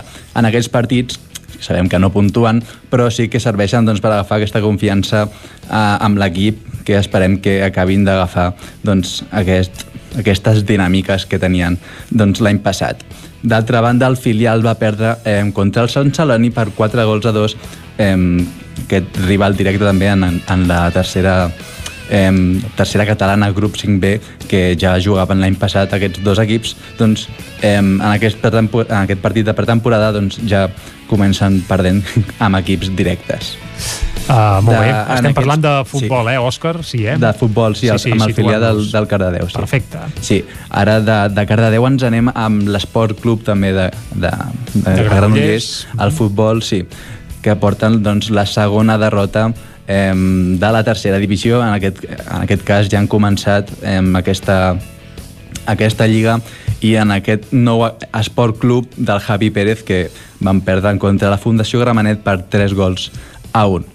El següent duel oficial de la tercera eh, divisió que també doncs, l'equip granollerí totalment renovat amb jugadors menors de 23 anys eh, ja va pagar en aquest accés de nervis al debut a casa contra Sant Cristóbal la setmana passada per 0 gols a 1. Així que, doncs, eh, partit perdut eh, fora de casa i, i partit perdut eh, a casa. Aquest és el resum que podríem dir del, del cap de setmana. Eh, esport club exacte. Uh -huh. I acabem, bueno, anem al, a l'handbol, on començarem amb els equips de, de l'handbol Granollers, amb els femenins, que ja aquest dissabte han començat, amb la primera jornada de la Lliga, eh, en el cas del femení, la Lliga Guerreres, on es van desplaçar cap a Elx per acabar amb un 25 a 25 al, al marcador. Així que és una... sumen un punt en una pista molt complicada, ja que l'Elx doncs, eh, doncs sempre han estat allà rivals directes amb les granollerines. El pròxim partit té lloc eh, contra el Morsverde al Palau d'Esports aquest divendres 17 de setembre. Molt I bé. Acabem I acabem amb el Franking, uh mhm. -huh. amb el Franking, que també va tornar a la Lliga Asobal. Ahir diumenge i ho va fer en victòria per 30-27. Bon resultat per començar eh, contra el Badahuesca, equip que se'ls poden trobar, són equips rivals en, en aquestes places europees tan buscades. Ja Cal sabem que la Lliga l'actuació- la guanyarà el Barça, perdona que, que et dir, sí. eh? però que Li falta una aquí, mica eh, d'emoció, però- Sí, la Lliga Sobal té aquestes La coses, segona plaça però la segona tenen- plaça eh, té regust de victòria, evidentment. Tant de Sempre bo el sí. Franklin Granollers si pogués atensar en aquesta segona plaça. Seria fantàstic. Uh -huh. Exacte, doncs del partit de diumenge cal destacar doncs, l'actuació del, del porter, del Ranger Luan, que va aconseguir un 40% d'aturades, o sigui, un total de 12, eh, entre abans del descans i al llarg de la segona meitat, que van fer, bueno, van ser superimportants, ja que doncs, per mantenir aquest avantatge de 5-6 gols eh, durant el partit per aquesta victòria. Així com veieu, doncs, en aquesta part del Vallès ja comencem amb algunes de les competicions, d'altres, com havies comentat abans, començaran més cap endavant, cap a la primera setmana d'octubre. Molt bé, doncs moltes gràcies, Òscar. I de Ràdio Cardedeu anem cap a Ona Codinenca amb la Caral Campàs. Caral, bon dia. Bon dia de nou. Com ha anat això, esportivament parlant? Doncs mireu, uh, tenim hoquei de moment. Um, Alcaldes, el rec amb les Arcaldes, el primer equip no ha començat gairebé aquesta temporada amb la primera competició oficial que disputava, la Supercopa. Alcaldes va caure aquest dissabte davant el Deportivo Liceo a la 18a edició de la Supercopa d'Espanya d'hoquei patins per 5 a 1. El Liceo va fer una gran primera part amb molta eficàcia a l'atac i, i més contundència doncs, que els calderins a les jugades. I Alcaldes, que va ser tercer classificat de la temporada passada a l'Hockey Lliga, com bé sabeu, eh, doncs això, no ha començat gairebé a aquesta primera competició oficial, en part per les reformes que, que hi ha hagut al pavelló de Torre Roja, i que això ha, ha impedit que puguin fer doncs, doncs preparar una, una bona pretemporada i fer uns bons entrenaments. Una informació que us ampliaré ara també al butlletí. Uh, L'endemà d'aquest partit uh, el Liceu va guanyar uh, la, Copa, la Supercopa, es va proclamar campió per guanyant el Barça per 3-2. Molt bé. Alguna cosa més, Caral? Eh, això és tot. Molt bé. Poca activitat encara aquests primers dies de temporada i no sé el Ripollès, Isaac Muntades, com ho tenim això? Molt bon dia de nou. Molt bon dia de nou. Sí, també poca activitat, Jordi. De fet, eh, pràcticament res. Partits amistosos que us puc eh, comentar, per exemple, eh, just abans que arranqui la setmana que ve sí que tindrem alguna cosa més. També hi haurà algun esport de motor, a més a més. Vull dir que sí que ex- pre premarem l'accelerador en aquest cas. I, i, per exemple, podem parlar de que la Badesenc va jugar un triangular de, de futbol per la festa major de Sant Joan de les Abadeses, que encara s'està celebrant doncs, avui i demà, contra dos equips de categoria superior. En aquest cas va jugar contra el Torelló de la segona catalana i el Banyoles de, de la primera catalana. Recordem que la Badesenc est, està militant actualment a la tercera catalana. I en el primer partit els Sant Joanins i els Torellonencs van empatar a un gol, però el conjunt blanc i negre doncs, es va imposar a la tanda de penals per 5 a 4. Després van jugar el Torelló i el Banyoles, que van empatar a 0 i els banyolins es van imposar per 4 a 3 a la tanda de penals. I finalment en el partit decisiu el Banyoles doncs, es va proclamar campió del triangular i sí que no va tenir miraments de, de la Badesenc. Són dues categories de diferència i el va derrotar per 0 a 4 amb gols de Carles Puig, Arnau eh, Ferrer també i, i Pep Roca. Vull dir que realment va ser un resultat eh, contundent. Eh, també dir-vos que va tenir dos partits amistosos al Camp de Bànol, que va jugar contra el Voltregà i l'Oar Vic dissabte i diumenge respectivament. El dissabte els candanolencs van perdre per 0 a 2 eh, contra l'equip voltreganès a, a casa i també a casa van, sí que van guanyar el, els bigatans per 4 a 2, eh, els bigatans en B baixa eh, en aquest cas, que aquí ja sabeu que hem de, sí, de, diferenciar. de Vigues i Riells i de Vic, Exacte. a vegades per, per la ràdio es confon perquè sona igual, eh? Clar, veure escrit ja no ens porta lloc a equívocs, però, però bé, ens queda clar, ens queda clar. Seguim, Isaac. Exacte, I, i res, res més dir-vos només que recordeu que aquest eh, dissabte ja en parlarem el divendres, però a les 6 de la tarda la Lliga s'inaugura amb un derbi aquí a Sant Joan, entre la Badesenc i el de Bànol, per tant possiblement no hi ha millor partit per, per començar la temporada, i el partit precisament es jugarà mentre se celebra la festa major de de Bànol i just passar la, passada la de Sant Joan, per tant no sé si això eh, pot afectar d'alguna manera els equips, veurem, veurem veurem si hi haurà molt espectacle o si els equips venen poc rodats i també doncs, eh, amb una Ja. mica més de festa amb el, a tema, sobre. amb el tema de la Covid, com que les festes en teoria no es Exacte. poden allargar excessivament, se suposa que no hauria d'afectar tant, eh? Uh, les ressaques, però vaja, això caldrà veure a sobre el camp, Isaac, i tant que sí. Ho, ho descobrirem, ho descobrirem dissabte. Ai, diu, eh, sí, dissabte. Dissabte.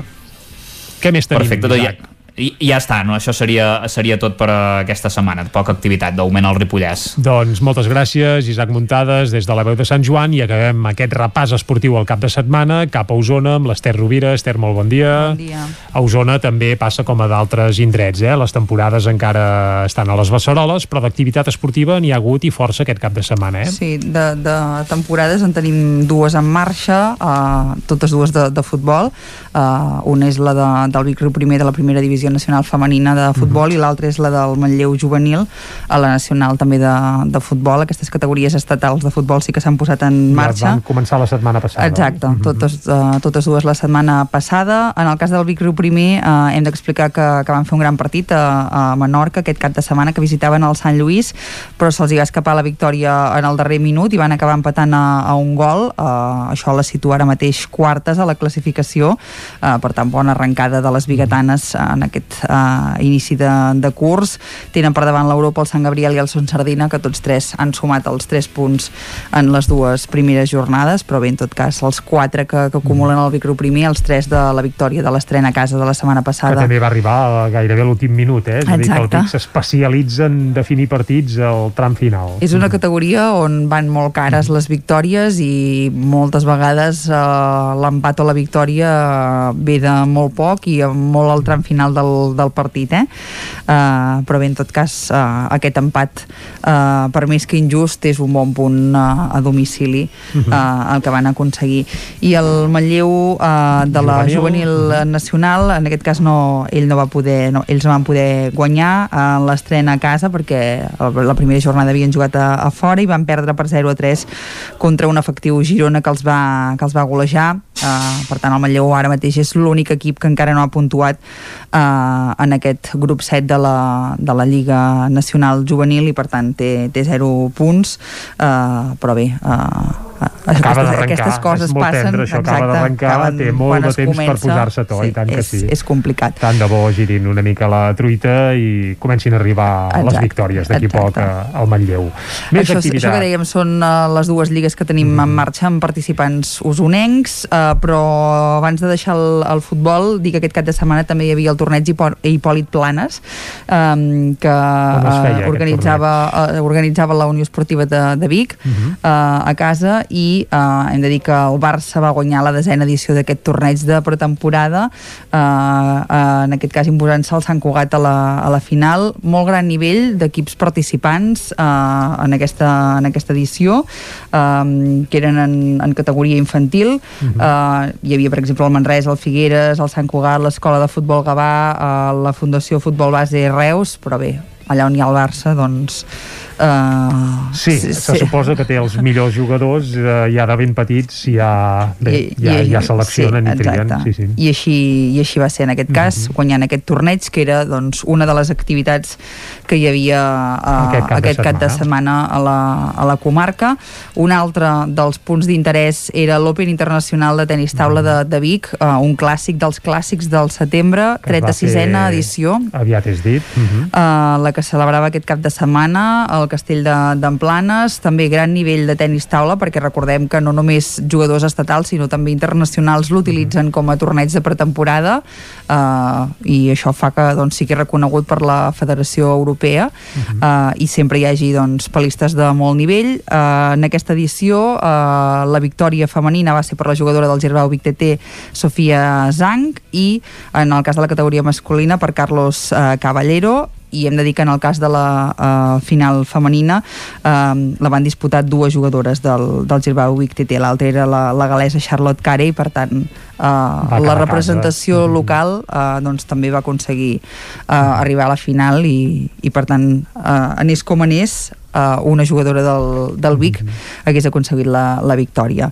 Um, un altre punt, aquest ja fora de la comarca on ens fixàvem aquest cap de setmana era en l'europeu de, de raids hípics perquè recordem que Osona és una potència mundial, Mundial, uh, en aquesta especialitat i aquest cap de setmana uh, agafant el relleu del campionat del món júnior que es va disputar entre setmana arribava l'europeu absolut i aquí doncs l'equip estatal format íntegrament per genets de la comarca d'Osona, doncs es va penjar eh, la medalla d'or eh, d'equips i també eh, Àngel Soi la va guanyar eh, d'or individual i Maria Álvarez eh, el bronze. Per tant, mm -hmm. eh, un nou èxit i una nova demostració de, del nivell eh, dels, dels dos elements, eh? tant -hmm. dels genets com també dels, dels cavalls que es crien aquí i que I també... I s'exporten molts d'ells a països àrabs. Als Emirats, sobretot, eh? exacte, -hmm. sí, sí. Mm, per tant, això, mm, bon nivell.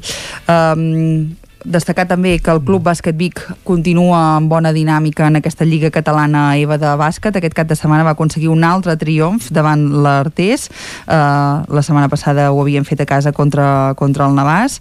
Uh, per tant, uh, ara el cap de setmana els hi toca als biguetans descansar i estan a l'espera de saber uh, doncs, uh, com, com anirà aquest últim enfrontament entre els altres dos rivals de, del grup i eh, doncs passar de, de fase en aquesta en competició cas, de, la Lliga Catalana de pretemporada, mm -hmm. exacte i parlant també de competicions de, de pretemporada mm -hmm. eh, no tampoc a la comarca però sí en presència usonenca aquest cap de setmana hi havia la Supercopa d'hoquei patins Correcte. eh, s'hi enfrontaven a la final el Barça de Sergi Panadero i el Liceu d'Àlex Rodríguez i Jordi Burgaia el Liceu que havia eliminat Alcaldes un Exacte. equip de territori 17 diguem també, exactament i dir doncs que això, aquest liceu que uh, està despertant uh, tan bones uh, crítiques mm. i que doncs tanta gent li veu tan potencial uh, i que a més a més compta amb dos usonencs destacats. Mm -hmm. uh, en el cas de l'Àlex Rodríguez el màxim uh, golejador de la temporada passada de, de l'Hockey Lliga i Jordi Burgaia que venia d'una estada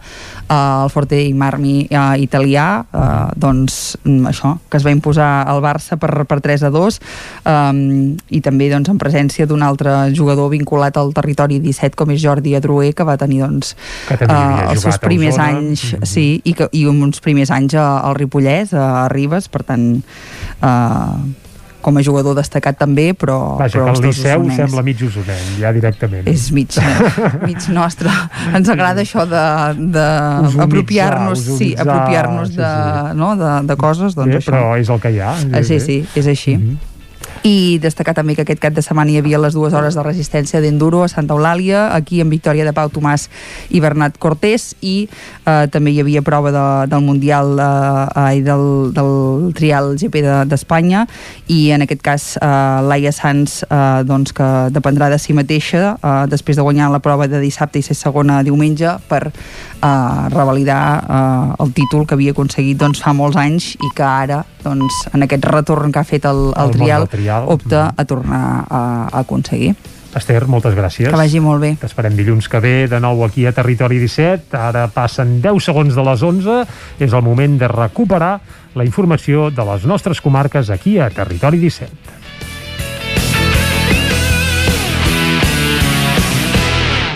Territori 17, amb Isaac Moreno i Jordi Sunyer.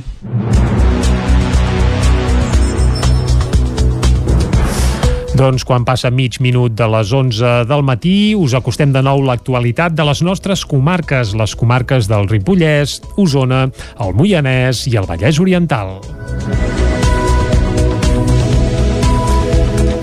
El mal temps, sobretot divendres i la Covid, han deslluït alguns dels actes de la Diada Nacional de Catalunya. L'any passat la Diada ja va estar marcada per la pandèmia i es van suspendre pràcticament totes les celebracions.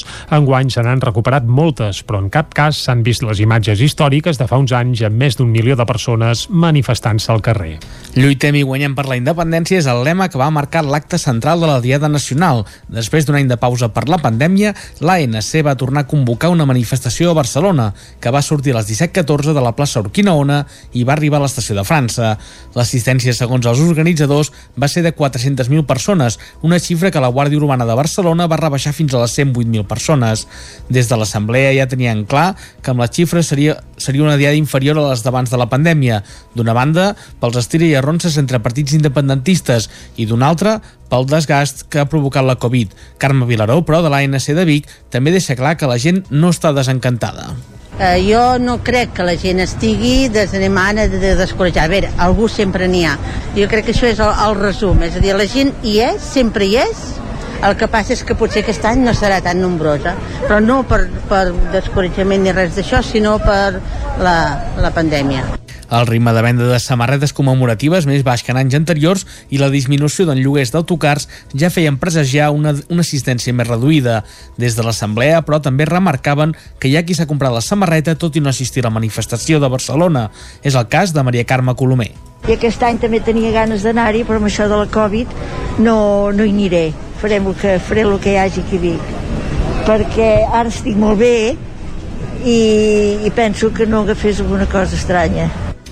Com ja és tradicional a Vic, els actes de la Diada es van concentrar el dia 10 al vespre amb l'ofrena al Bac de Roda, la conferència de la sala de la columna de l'Ajuntament, que va anar a càrrec de l'express polític Jordi Turull, i la marxa dels biguetans, que enguany recuperava la presencialitat i s'havia de fer la plaça Major. La pluja, però, va obligar a cancel·lar els actes a la plaça i finalment es va fer una marxa dels biguetans en versió reduïda a la sala Marià Vila de, Marià Vila de Badal del Sucre de Vic. D'entre els molts actes que es van fer dissabte a la comarca, destaca l'arribada dels motors independentistes a les 8 del matí a la plaça Major de Vic, amb, un, amb més d'un miler de motos. A Torelló, a les 10 es va fer una ballada dels gegants al monument de Rafael Casanova, que va donar pas a l'ofrena floral. A Tona, a les 9, també es va fer una pujada al castell per instal·lar-hi una estelada gegant.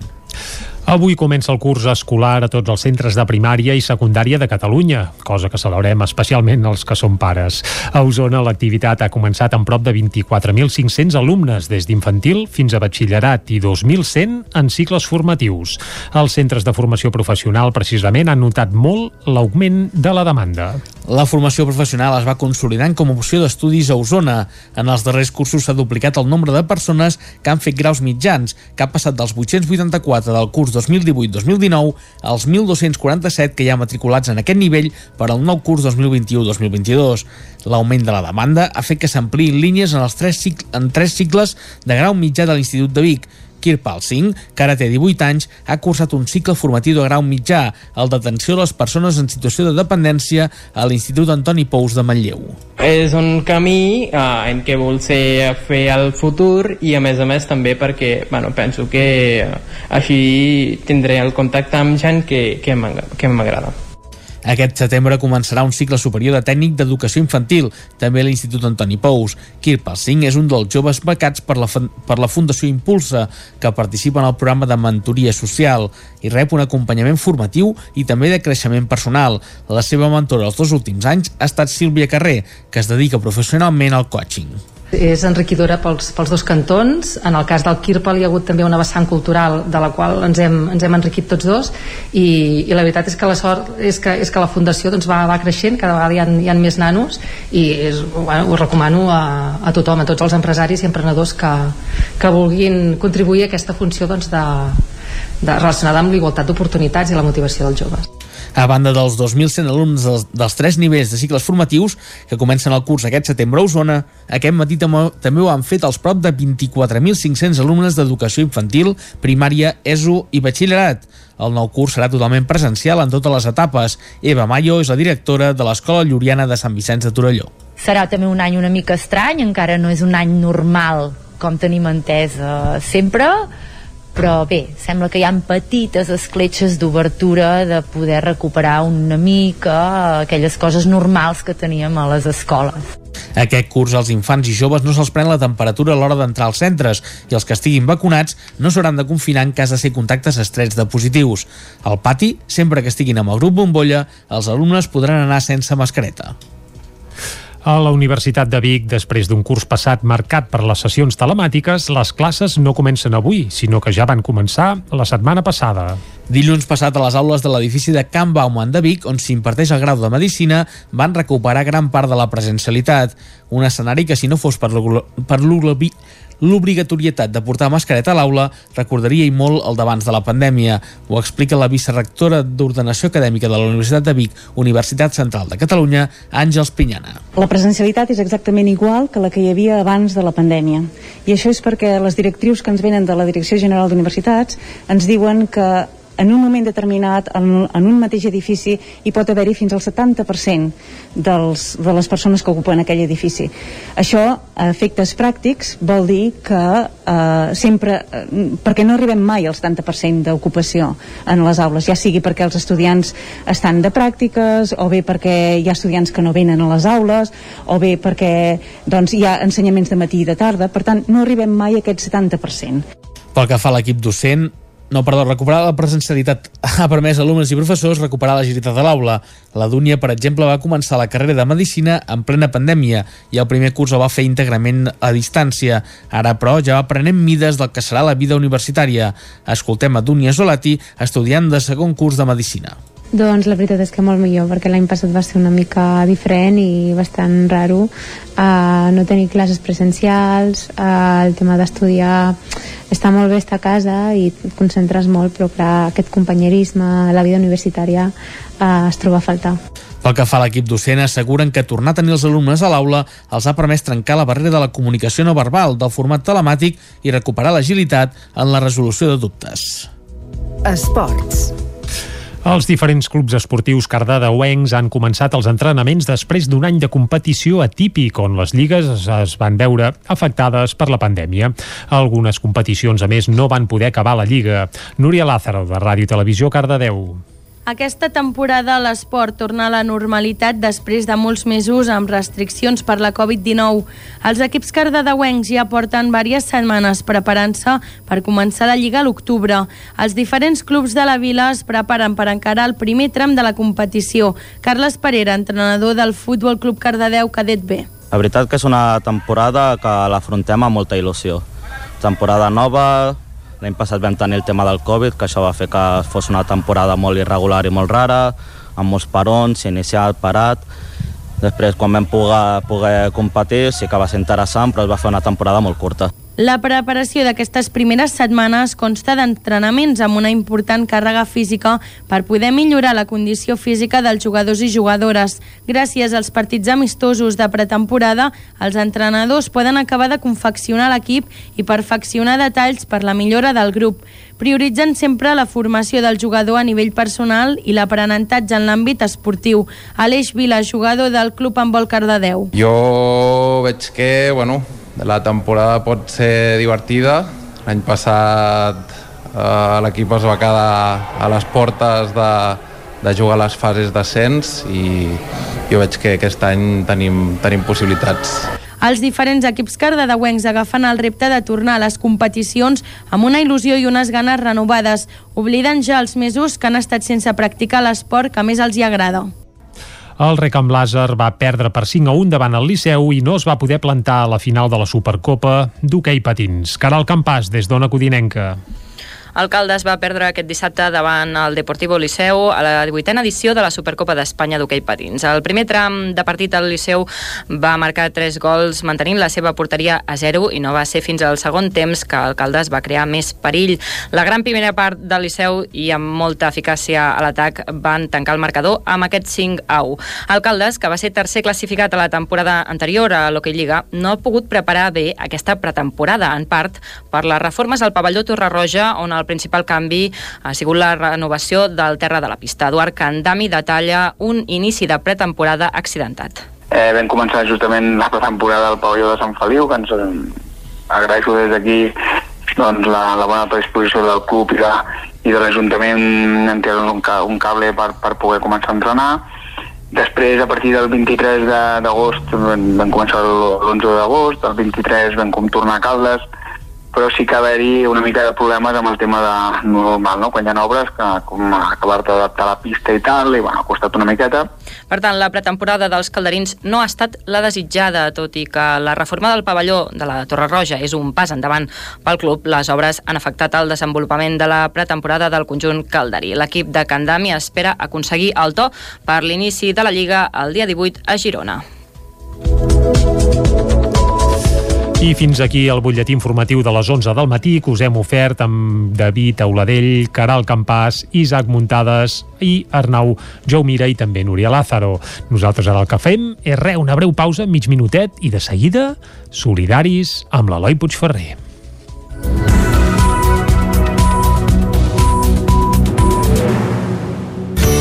Territori 17. Envia'ns les teves notes de veu per WhatsApp al 646 079 023. 646 079 023. WhatsApp Territori 17.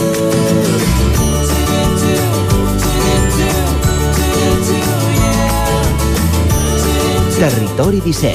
Som a Facebook, Twitter i Instagram amb l'usuari Territori 17.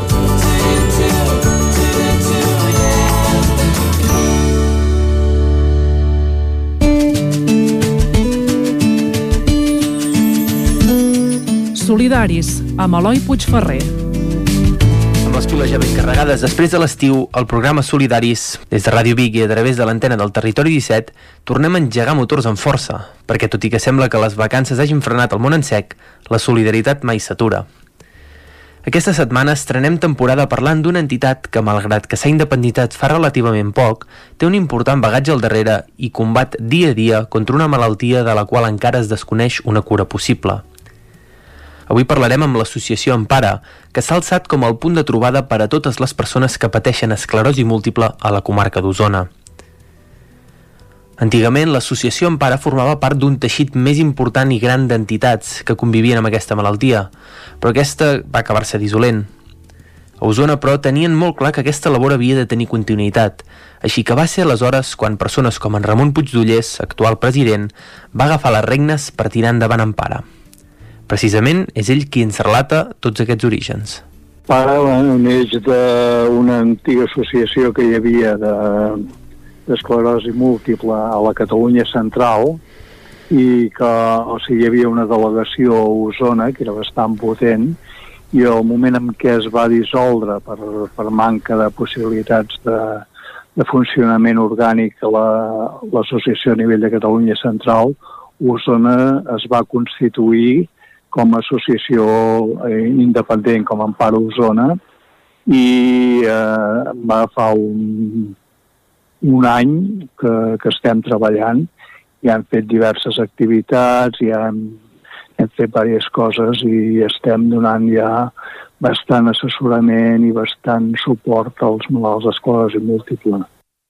Tot i que l'entitat ja tenia una certa estructura abans de constituir-se, el procés de formació no va ser senzill ja que, com explica el president, va haver d'aplicar alguns canvis interns per assegurar el futur d'Empara. La gent de la Catalunya Central feia molts anys que hi eren, eren tots malalts d'esclerosi, els que ho dirigien i finalment no, no es van veure capaços de continuar. O sigui, aquest tipus d'associacions normalment són associacions que sorgeixen espontàniament perquè perquè eh, no se senten, els malalts no se senten prou atesos al lloc on estan i, i s'autoorganitzen i normalment doncs, al cap dels anys aquest tipus d'associacions desapareixen. Llavors nosaltres el que hem intentat aquí a Osona per tal de que això no passi és eh, que aquesta associació és una autoorganització dels malalts, però eh, eh, a la gestió dels temes de l'organització ja s'hi ha incorporat gent eh, que, no, que no estem malalts i a partir d'aquí doncs, intentem fer una, una gestió mixta, o sigui, els malalts són els que decideixen i nosaltres, els que no estem afectats, doncs, d'alguna manera eh, fem els passos que hem de fer per, per intentar eh, cobrir les necessitats d'aquesta gent. I això, eh, amb aquest aspecte, doncs, eh, Empara Osona, per això ha sobreviscut a la dissolució de, l'associació la, de d'Empara a la Catalunya Central. El, el problema és que nosaltres, eh, quan se'ns va proposar, no vam poder dir que podíem assumir tot l'àmbit de la Catalunya Central, perquè no, no ens veiem capaços. Aleshores vam, vam assumir el territori del que ens veiem capaços, que era en part Osona, que era Osona.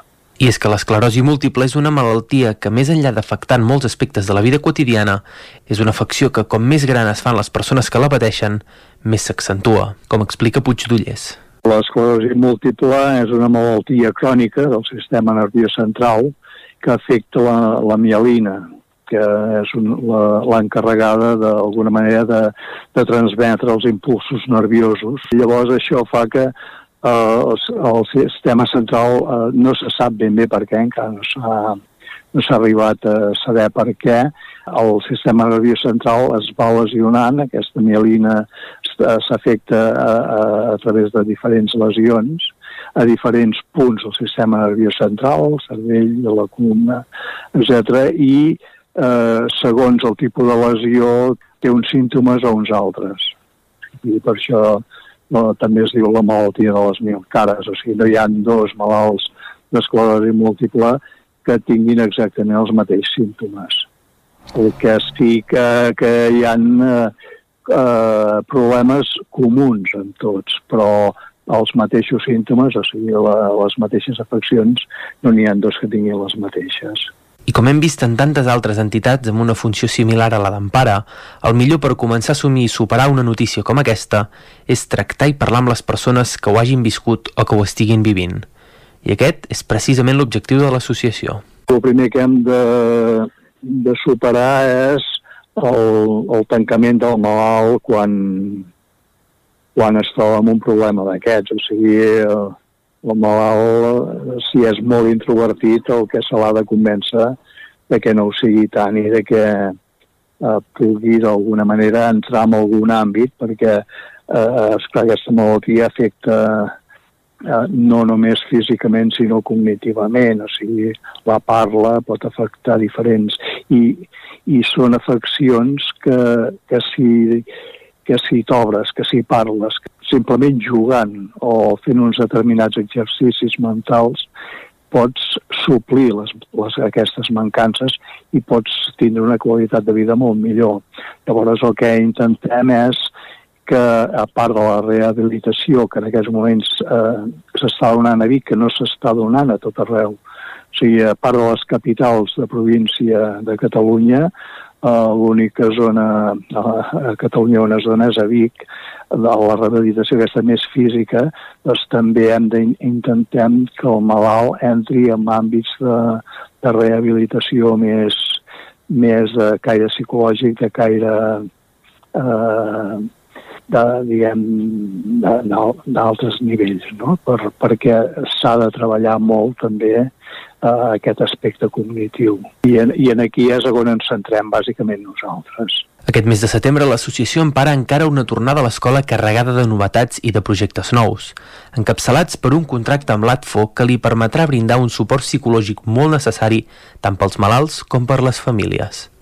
Puigdollers ens ho explica. Intentem en aquests moments, eh, juntament amb l'Associació de Disminuïts Físics d'Osona, que ens està fent un cop de mà tenim un contracte amb el qual eh, estem donant una hora de teràpia a la setmana eh, psicològica als malalts que vulguin assistir-hi i a més a més estem donant als nostres associats suport psicològic, o sigui, eh, estem eh, també juntament amb un contracte amb l'ATFO, o sigui que qualsevol familiar o qualsevol malalt d'empara, si, si creu que necessita ajuda psicològica, nosaltres li donem aquest suport. Això és una cosa nova, que d'alguna manera comença ara, Uh, el tema de l'assessorament jurídic també comença ara, i llavors estem mirant a veure uh, perquè el, el, el malalt d'esclerosi múltiple té dificultats per, de mobilitat,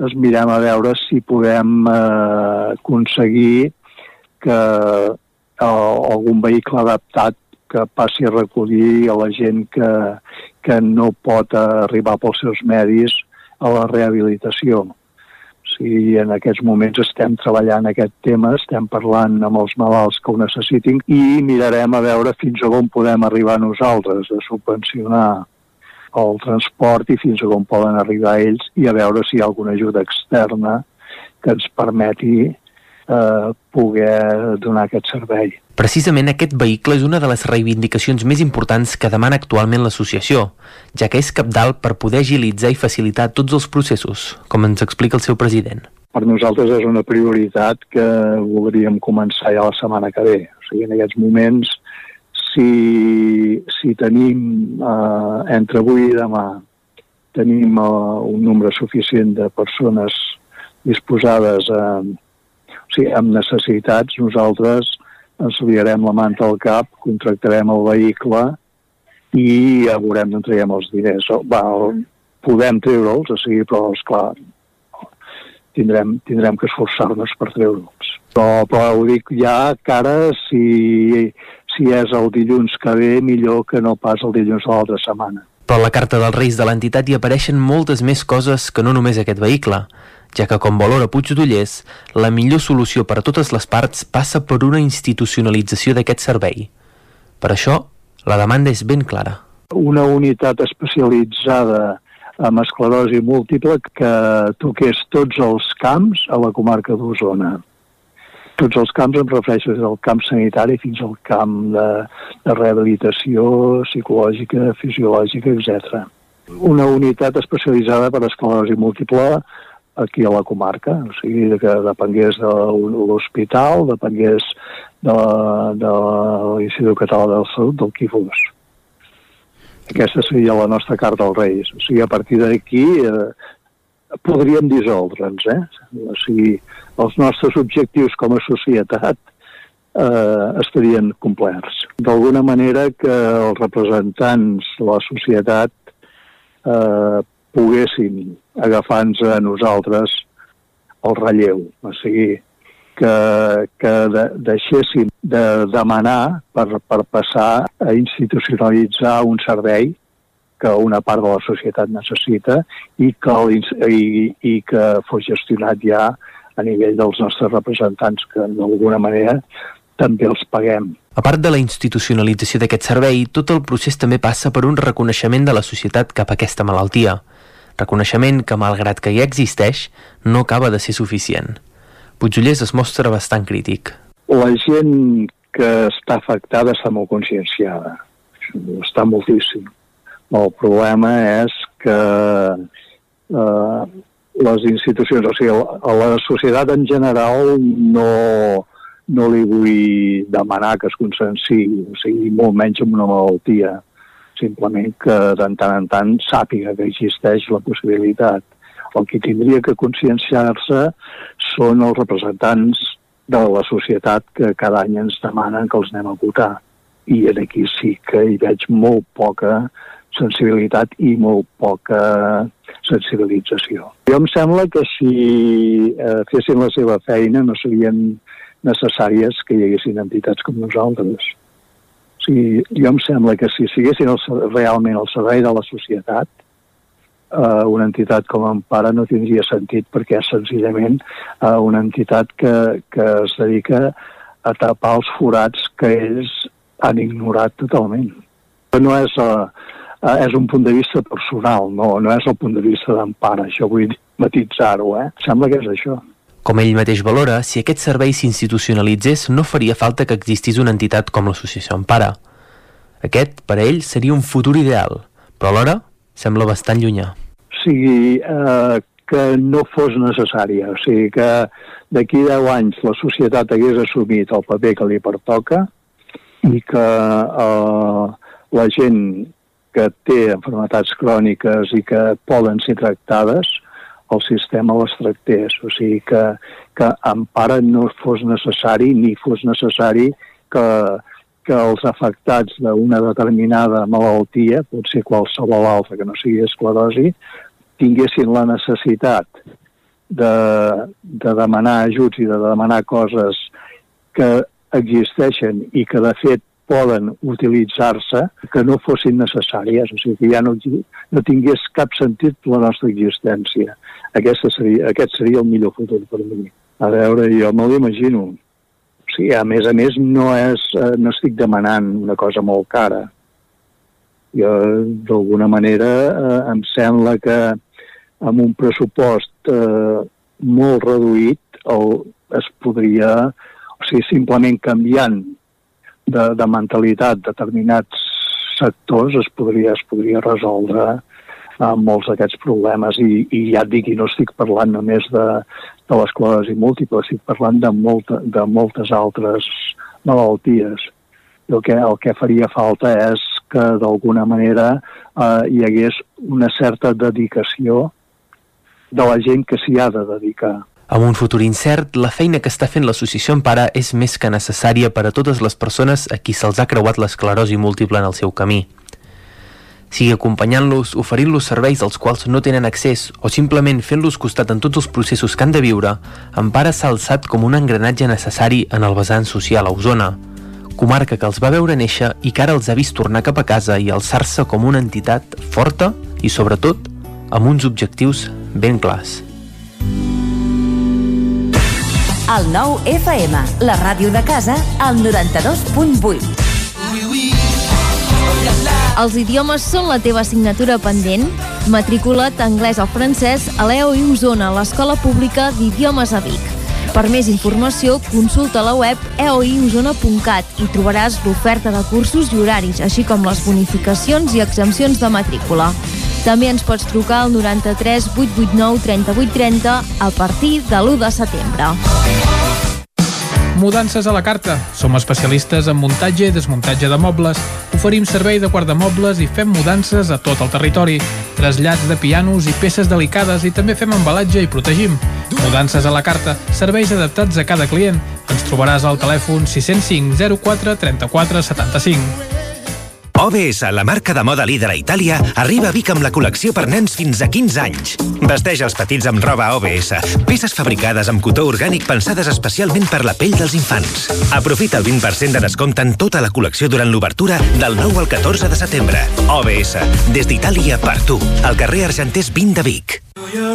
A Aquari Jordi hi trobaràs periquitos, canaris i tot tipus d'ocells, conills, hàmster, ratolins, rates índies, peixos tropicals i molt més. Aquaris, tortugues, joguines i tots els complements i menjars per tot tipus d'animals. Aquari Jordi, som al carrer Nou número 34 de Vic i també a Instagram. Troba'ns a aquarijordi.com. Oferta de pinços pel teu gat o gos i descomptes en llits, matalassos i joguines. Aquari Jordi us desitja bon mercat de música viva. Rètols 2A.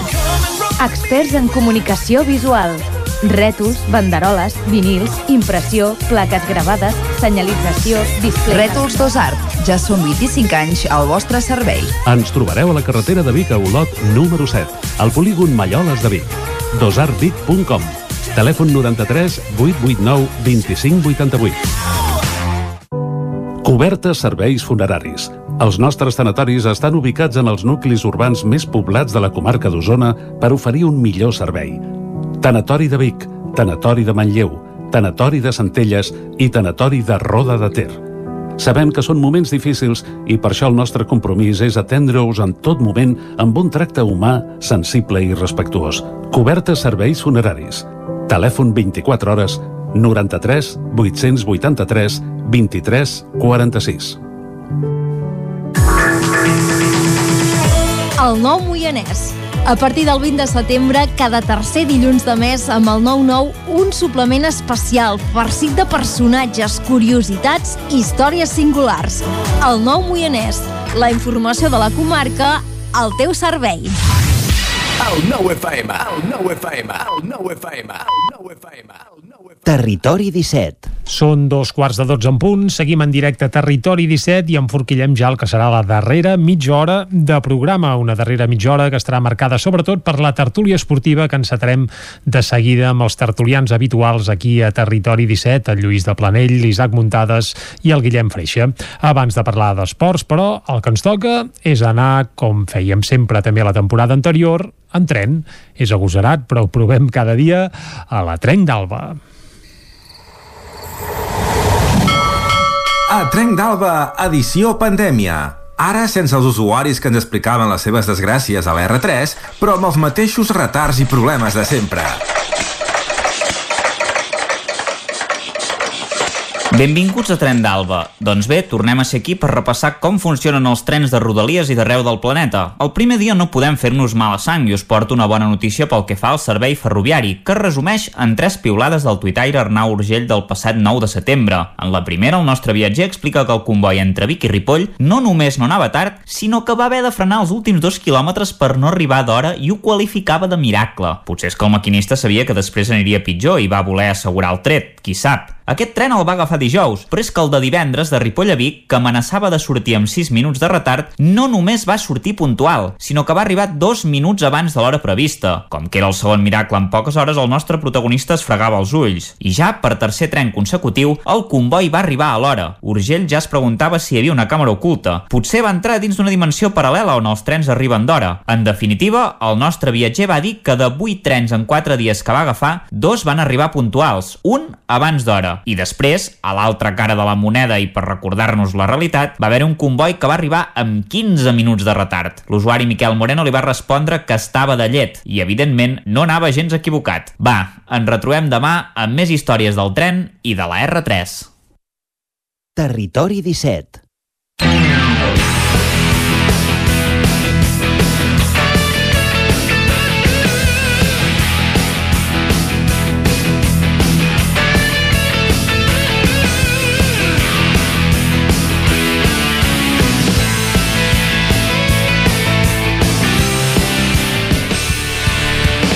Passen dos minuts i mig de dos quarts de dotze del matí. És el moment de la tertúlia esportiva aquí a Territori 17 i saludem els nostres tertulians habituals que ja ens acompanyaven la temporada passada cada dilluns a fer-la petar sobre l'actualitat esportiva. Eh, Lluís de Planell, molt bon dia. Hola, bon dia. Ben tornat primer a primera divisió, l'Espanyol, i segon a la tertúlia de Territori 17. Moltes gràcies dues vegades. Saludem també l'Isaac Muntades, des de la veu de Sant Joan. Isaac, molt bon dia. Molt bon dia. L'Isaac, que aquest any està content perquè el Bernabéu eh, torna a acollir partits, eh?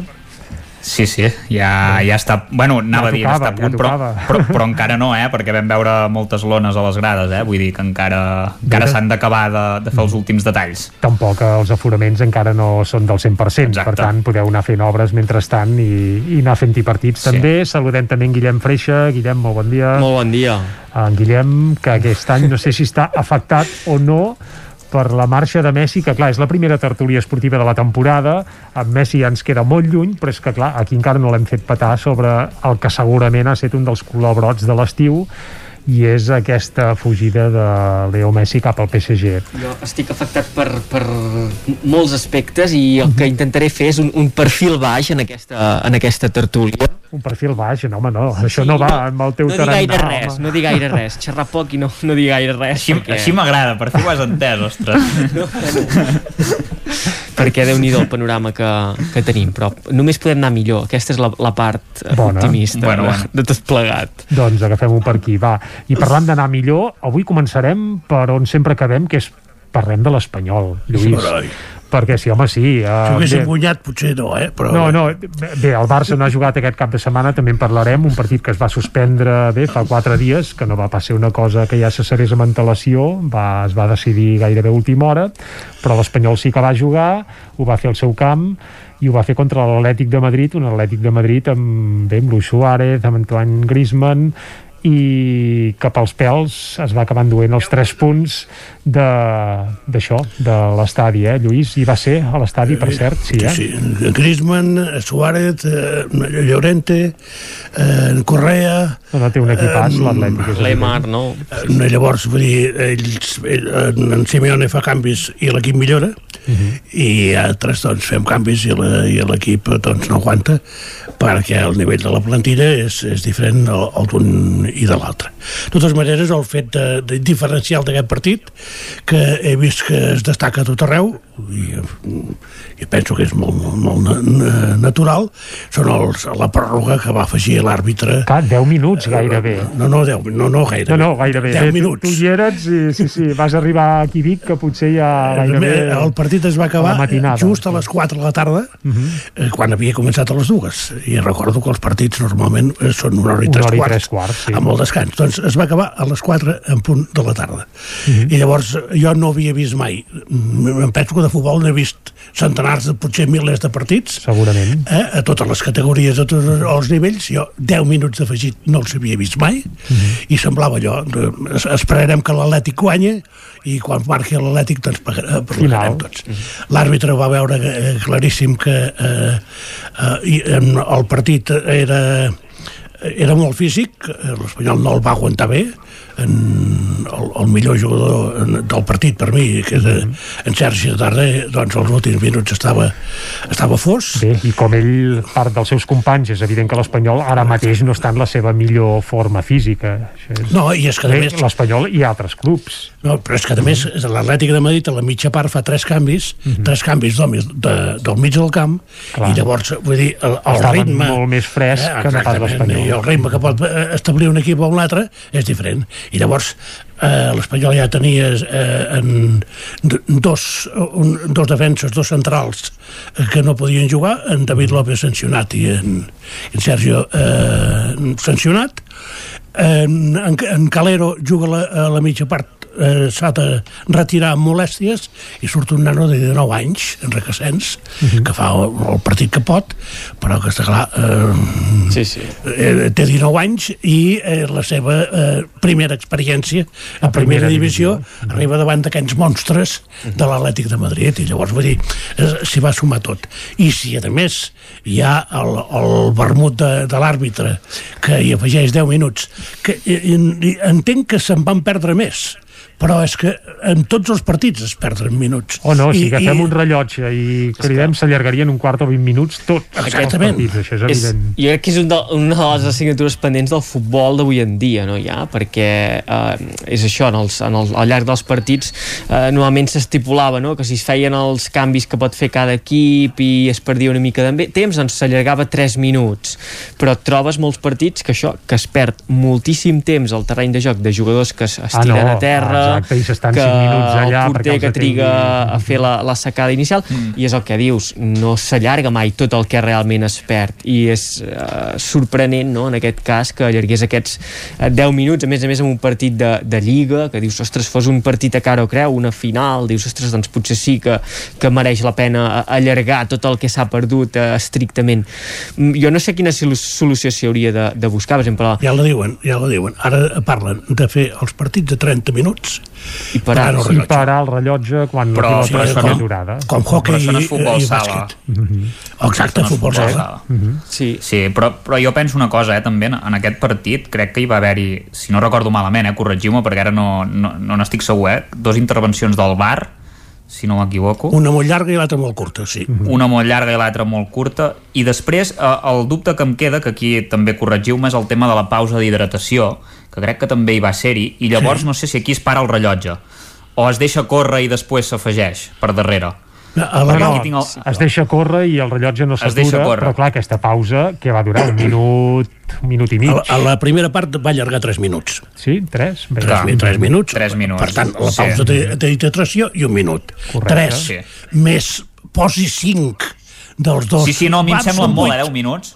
Són 8. A mi em sembla no, no, molt, eh? A mi em és, semblen és molt 10 evident que és una bestiesa i que no hi ha gaire Sí, sí. precedents I tornem a la falta- que s'hagin allargat a la aquí. falta de criteri de, de l'estament arbitral, no? que eh, Sí. aquest eh, àrbitre, ara no sé quin, quin col·legiat Monuera Montero. Doncs Monuera Montero eh, va aplicar, eh, mal dit seria rajatable, al peu de la lletra. Al peu de la lletra, va, quedem-nos amb això. normalitzem Sí. sí. uh, el, el reglament i la gran majoria d'àrbitres no ho fan jo, això és el que a mi em, em molesta de, de l'estament arbitral aquesta diferència de criteris uh, en funció també de d'on bufa el vent una mica no? perquè uh, jo recordo per exemple Segurament aquest àrbitre ja havia dinat, que hi havia gent que s'esperava i va, també. dinaré a les 4 i clar, van anar a dinar a les 5 o a les 6 de la tarda. I el de parar el rellotge jo crec que seria uh, beneficiós, beneficiós uh, en el sentit esportiu de, de l'esport, eh? perquè veiem la majoria de partits, uh, sobretot eliminatòries, a la que el resultat és favor, favorable a un, a un conjunt, allà es perd Les molt temps. pèrdues de temps són pensa, molt habituals. pensa que si un partit comença a les 5 de la tarda i es juguen 30 minuts parant el rellotge, abans de, tre- de, de 3 quarts de 6 no s'acaba la primera part. Ja, ja, ja, Ah, no, és que duraran, Duraran dues hores més. i mitja o tres hores els partits, eh? Segurament. Però- Tots ho hem vist amb el bàsquet, per exemple. Però, sí, eh? que falta un minut per acabar el partit. Ui, aquest últim minut pot durar un quart d'hora o 20 minuts. Sí, A part sí. que eh, en el, en el futbol no hi ha temps mort sí.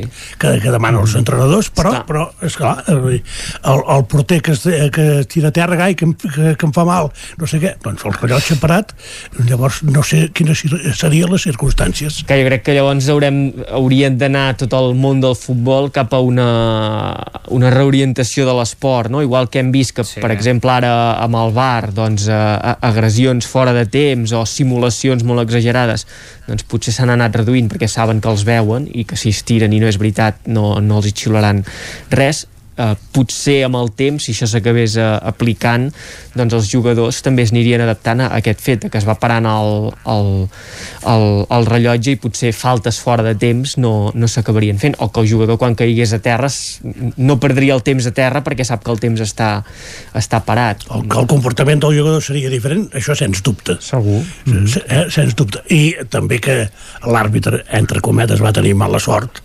Bueno, Perquè, perquè esclar, marca. si l'Atlètic no marca el 99, Vicente llavors això eh, Però, és, però es veia venir, eh. Lluís? No, i tant com es veia venir. O sigui, el, No, no, és que els és, últims és el 10 que minuts deies, va els ser... últims 10 minuts l'Espanyol estava Jo- jo- fos i l'Atlètic jo de estava Madrid refrescant. eh, era un atac, vaja, un atac i gol permanent Sí, sí. gairebé. Sí, sí. estava refrescant la pàgina web, Lluís, i deia, ostres, és que no ens faran el favor i els marcaran a l'últim minut, es veia venir, es veia venir, perquè, clar, el l'Atlètic de Madrid és un rival per la Lliga, Deixa'm, llavors... deixa'm dir que ara em comentava l'Arnau Jaumira una dada del partit d'ahir i és que de la segona part d'ahir, de temps real, se'n van jugar 23 de minuts. Clar, és a dir, amb el però- rellotge als dits, però- amb la pilota movent-se, 23 minuts. Amb quants partits s'ha passat així? Ah, no, segur que amb moltíssims. Amb els del Getafe del Exacte. Bordalàs, quan hi havia en Bordalàs, eh, em sembla que tenia algun rècord d'aquests, eh, de jugar només 20 i pico minuts, el, eh, vull dir. el partit en què el Girona perd l'ascens a primera divisió el, el juny passat, a la segona part, a la que el Rayo es posa per davant, allà no es va absol Sí. sí. jugar absolutament a, a res i, i ja va sortir aquest debat també en els mitjans catalans de- d'aturar el temps o, o no mm, bueno, és... Bé, és un debat, n'hem parlat una mica, està molt bé, és evident que ahir el cas de l'Espanyol va ser exagerat i que segurament això no va afavorir el Esca- resultat en un escandalós, partit. jo, eh? Doncs va, diguen escandalós, titllo com vulguis. Uh, deixem, aparquem una mica l'Espanyol. Uh, parlem ara del Madrid, encara no parlem del Barça. Uh, anem amb l'Isaac Muntades, que no sé aquest Madrid, Isaac, uh, quin efecte et fa i on creus que pot arribar aquesta temporada, aquest equip? Que, per Sí, cert, deixa'm dir, uh, per Sí. posar el dit a la nafra, que no ha fitxat Mbappé ni ha fitxat cap ultragran Ni falta que fa perquè, perquè tenim, tenim els dos màxims golejadors de la Lliga. Després de Eh, fer Benzema cinc gols sis ahir. De moment, de moment. Sí, i, i Vinícius amb 4, Oyarzabal també en porta 4, però... I deixa'm dir però que Vinícius s'hauria de plantejar com Sí. celebra els gols, perquè, clar, en temps de pandèmia, anar-se a abraçar amb l'afició, és que aquest xicot l'haurien... Bé, És un jugador jove, feia un Sí, any i sí, pico que no... clar, que bé. La pandèmia també no està en el moment més crític. No, de no ho hauria d'haver no, fet, però evident- amb accions com les de Vinícius, Sí, sí, no, no. dispara. Evi- Evidentment, eh, no ho hauria d'haver fet i, i ja va de ser, totes ja va maneres, ser castigat. Isaac, abans, abans no intervinguis, Sí. jo voldria saber el nom del psiquiatre que ha tractat amb Vinícius, perquè aquest nano Sí. ha canviat com una mitja. eh? No, l'Ancelotti suposo que li deu haver fet Ah. veure, bueno, ja li va dir que havia de ser més decisiu en els metres finals, que potser bueno, no, no corre tant com un pollastre sense cap i, i, i, i tra- tranquil·litzar-se en els últims metres i, i definir millor, és el que li faltava no?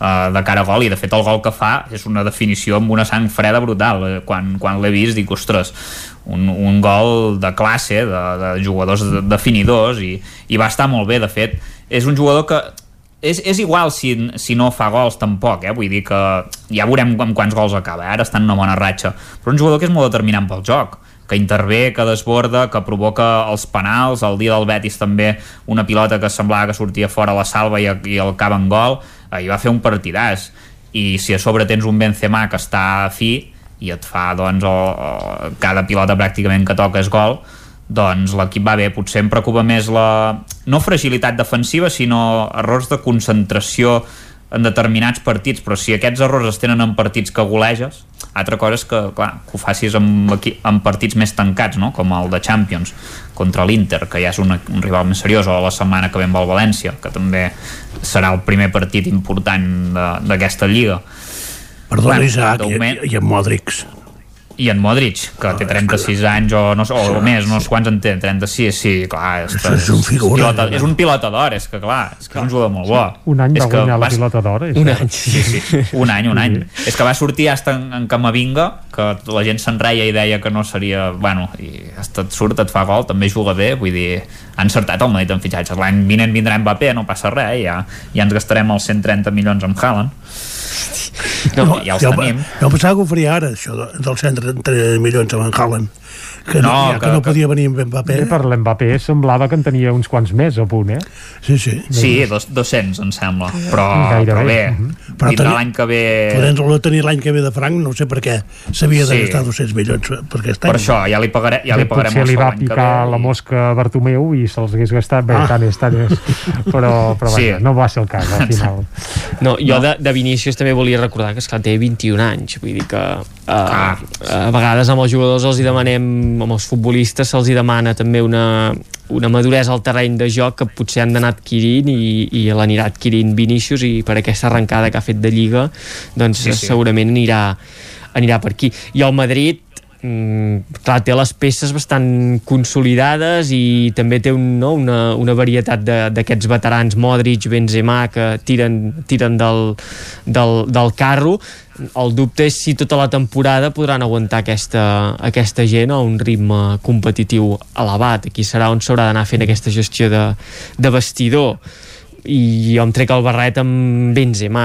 Vull dir, el de Benzema jo crec que és espectacular perquè mm, què deu fer? Uh, 11, 12 anys que està al Madrid amb Benzema uh, Sí, va arribar el 2009 també doncs, com en Cristiano fa Ronaldo. una dotzena d'anys ja, i tant. i Exacte, amb petits que- alts i baixos però sempre ha marcat gols Benzema, uh, rebent crítiques però fent gols. Per tant mm, ostres, davanters que hagin estat tants anys fent gols i a més a més amb la capacitat de saber estar a l'ombra de, de figures i d'estrelles uh, que segurament brillaven molt més que ells mediàticament també té mèrit perquè un altre hagués dit tu, jo aquí no vull ser un segundon o no vull ser un jugador uh, enteneu, sí, sí, eh? terrelleno, Cristiano Ronaldo en el seu i, moment. i em busco sí. un altre lloc en canvi en Benzema sempre ha sapigut estar en el seu lloc fer la seva feina i jo crec que fins i tot això la marxa de Cristiano Ronaldo li ha fet fer un pas més en, en la- l'apartat golejador Mhm. i és, és espectacular Uh, veurem, jo crec que a nivell de la Lliga Espanyola és evident que uh, Atlético, Barça, Madrid serà Nadal, tot i que jo crec que hi haurà sorpreses aquest any, el, el València Sevilla i València. que aquests sí. equips segurament ens pagaran més i eh, potser hi haurà alguna sorpresa fins i tot a la Lliga. A nivell d'Europa no sé si els equips espanyols estan per per anar-se a, a discutir amb, amb Bayerns, amb City, amb PSG eh, no sé si estan Bueno, el, mica Ba- el Barça ho sabrem ja, no? Perquè Demà, ho sabrem, sí, Sí, sí, sí, sí, encara i el Barça, jo, jo si vols et, res, et responc la pregunta Ah, també ara també eh? ah, vas esquivant i ja ens has dit que tu tindries un perfil baix, Guillem, però també volem parlar del Barça, evidentment, Sí, sí. eh? d'aquest Barça 2021-2022 que bé, sembla que no, no està No, no. cridat a guanyar gaires títols, però l'any passat també hi va haver sorpresa i goita, al final la Copa del Borbó bé que se la van dur, eh? Sí, no, I jo- la Lliga, si hagués tingut Ansu Fati, segurament també se l'hagués endut. Sí. I, jo crec que el Barça està per, per lluitar a la Lliga a la Copa del Rei eh, sabem que en unes eliminatòries a vegades eh, depèn de molts eh, factors jo crec que la Champions aquest any és eh, anar fent i intentar no, no enganxar-s'hi els dits. Eh, i si passes la fase de grups Home, i té arribes un a... grup complicadíssim el Barça, Sí, eh? té un grup complicadíssim, un equip en construcció de construcció, perquè seria una mica les dues coses, hi ha jugadors que estan una mica de sortida i s'hi han d'anar ficant eh, jugadors nous, i al Barça ara li ve un any, dos anys que eh, ha de fer una metamorfosi. A mi em recordo una mica, per exemple, el Manchester United també ha passat uns últims anys amb la marxa de Cristiano Ronaldo al, al Madrid que no ha sigut un primer espàs al Manchester United ni a Anglaterra ni a nivell europeu. Doncs a mi em fa pensar una mica en això el Barça. El Barça ara haurà d'estar uns anys doncs refent la, la plantilla i no conven...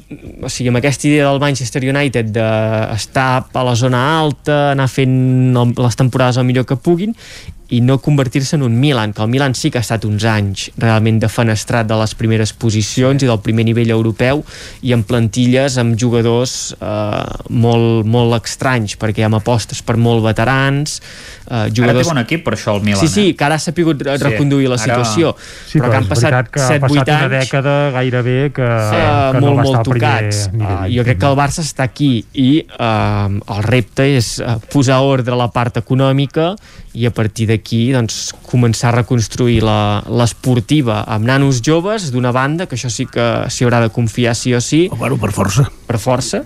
Sí. I després, eh, cada temporada, a mesura que es pugui, doncs, anar intentant trobar una peça que et dongui un, un afegit aquest any en, en Memphis, eh, en Depay, que sembla, amb l'arrencada que ha fet, doncs sembla que sortirà eh, prou bé. Almenys de marcar marca. Sí, i que s'ha acoplat bé a l'equip, eh, li agrada el protagonisme, També és bon amic del Luc de Jong, que pot ser un Sí. fitxatge que ha sortit una mica així darrere hora, però potser se'n pot treure prou rèdit, eh? Eh, Sí, el que passa és que és un jugador que amb les xifres de Bueno, gols que ve... mm, El Sevilla Però no... jugarà Luc de Jong, eh?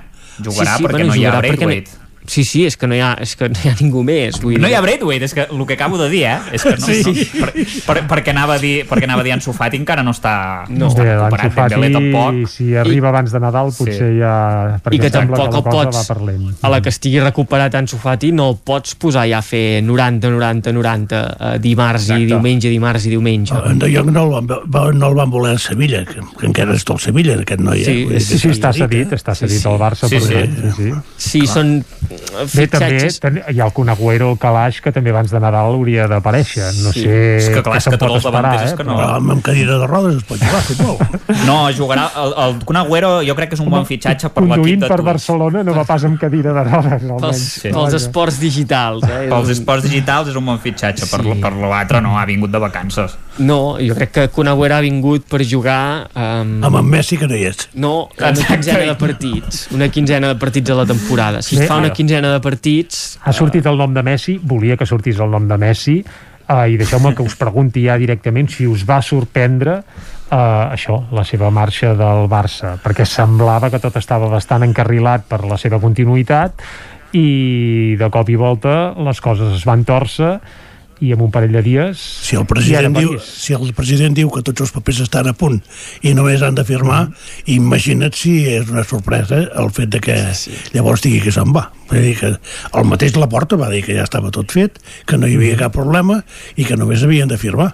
I llavors, en, en, no, en 24 hores, Sí. eh, passa tot el capgirar tot. contrari. Es capgira tot. Això, Sí, ho tenien tot a punt, però, va resultar que tot el que havien preparat i posat a punt no servia per eh, adaptar a la normativa econòmica que Sí, sí, exigia la, la massa, Lliga. la massa salarial evidentment estava disparada a l'època que va marxar Messi Griezmann encara era del Barça, amb el seu sou evidentment també Mm. Sí, sí. uh, Però- i altres jugadors que semblava que potser el Barça se'n desfaria un Titi uh, i altres doncs també els tenia. I, I que la situació és delicada econòmicament, jo crec que s'evidencia en el fet que deixes marxar, deixes marxar eh, et veus obligat a deixar marxar a un jugador com Messi, però que tot i deixant marxar un jugador com Messi, o, o estan obligat a deixar marxar un jugador com Messi, acabes prescindint, prescindint també de Griezmann, que Griezmann, aviam, és veritat que potser no ha tingut el rendiment que esperàvem d'un jugador eh, top eh, en, el, en el futbol mundial però la seva sortida també és més una decisió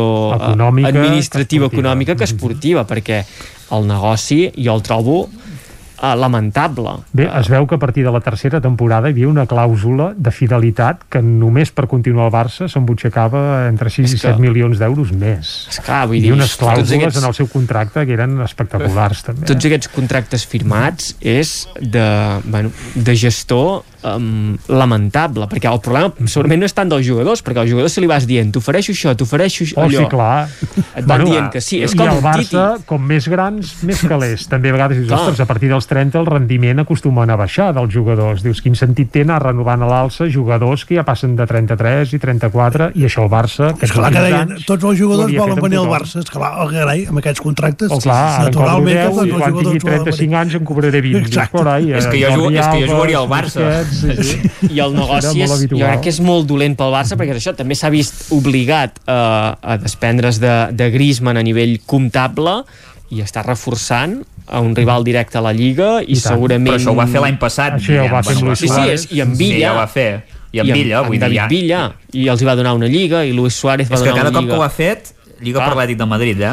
I Griezmann per poc malament o per poc bé que ho fa així eh, a, a l'Atlético de Madrid eh, els hi donarà un plus, està clar que els hi donarà un plus perquè ja hi va funcionar, o sigui estàs donant una peça que saps que hi encaixa a la perfecció Ja sé, ja sé que no té res a dir, però ahir tant un com l'altre, tant en Griezmann eh, Sí. com en, en Suárez van estar fluixets, fluixets de veritat eh? bueno, però eh, també acaben de, en el cas de Griezmann sobretot acaba d'arribar, acaba d'entrar um, Però... I a davant hi tenien l'Espanyol, que és un bon equip. Lluís, heu fet un bon equip aquest any, no?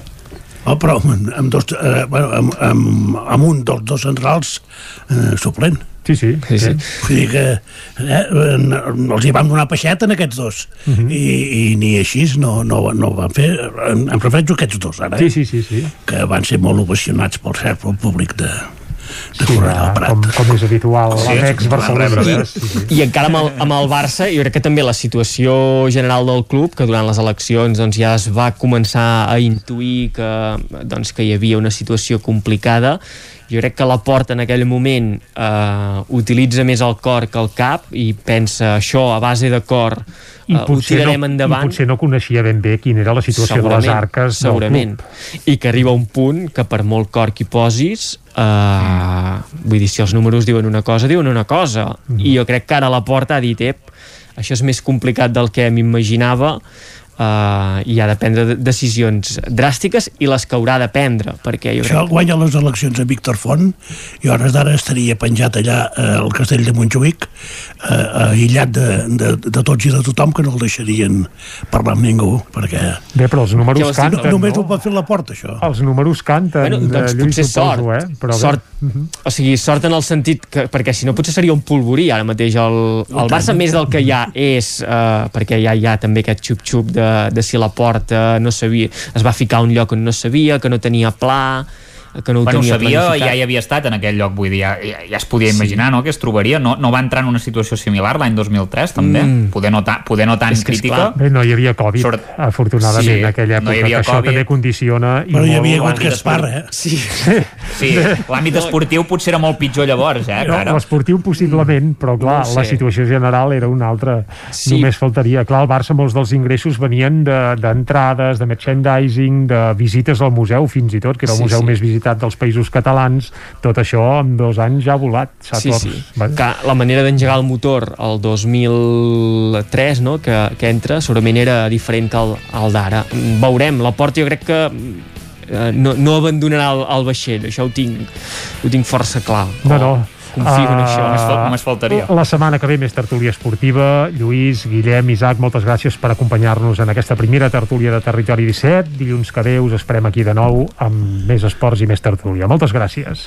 Bon dia. Vosaltres. I nosaltres ara al cafè més tancar el Territori 17 d'avui. Us esperem de nou demà aquí, a Territori 17, des de les 9 del matí i fins a les 12 del migdia. Salut i que vagi molt bé.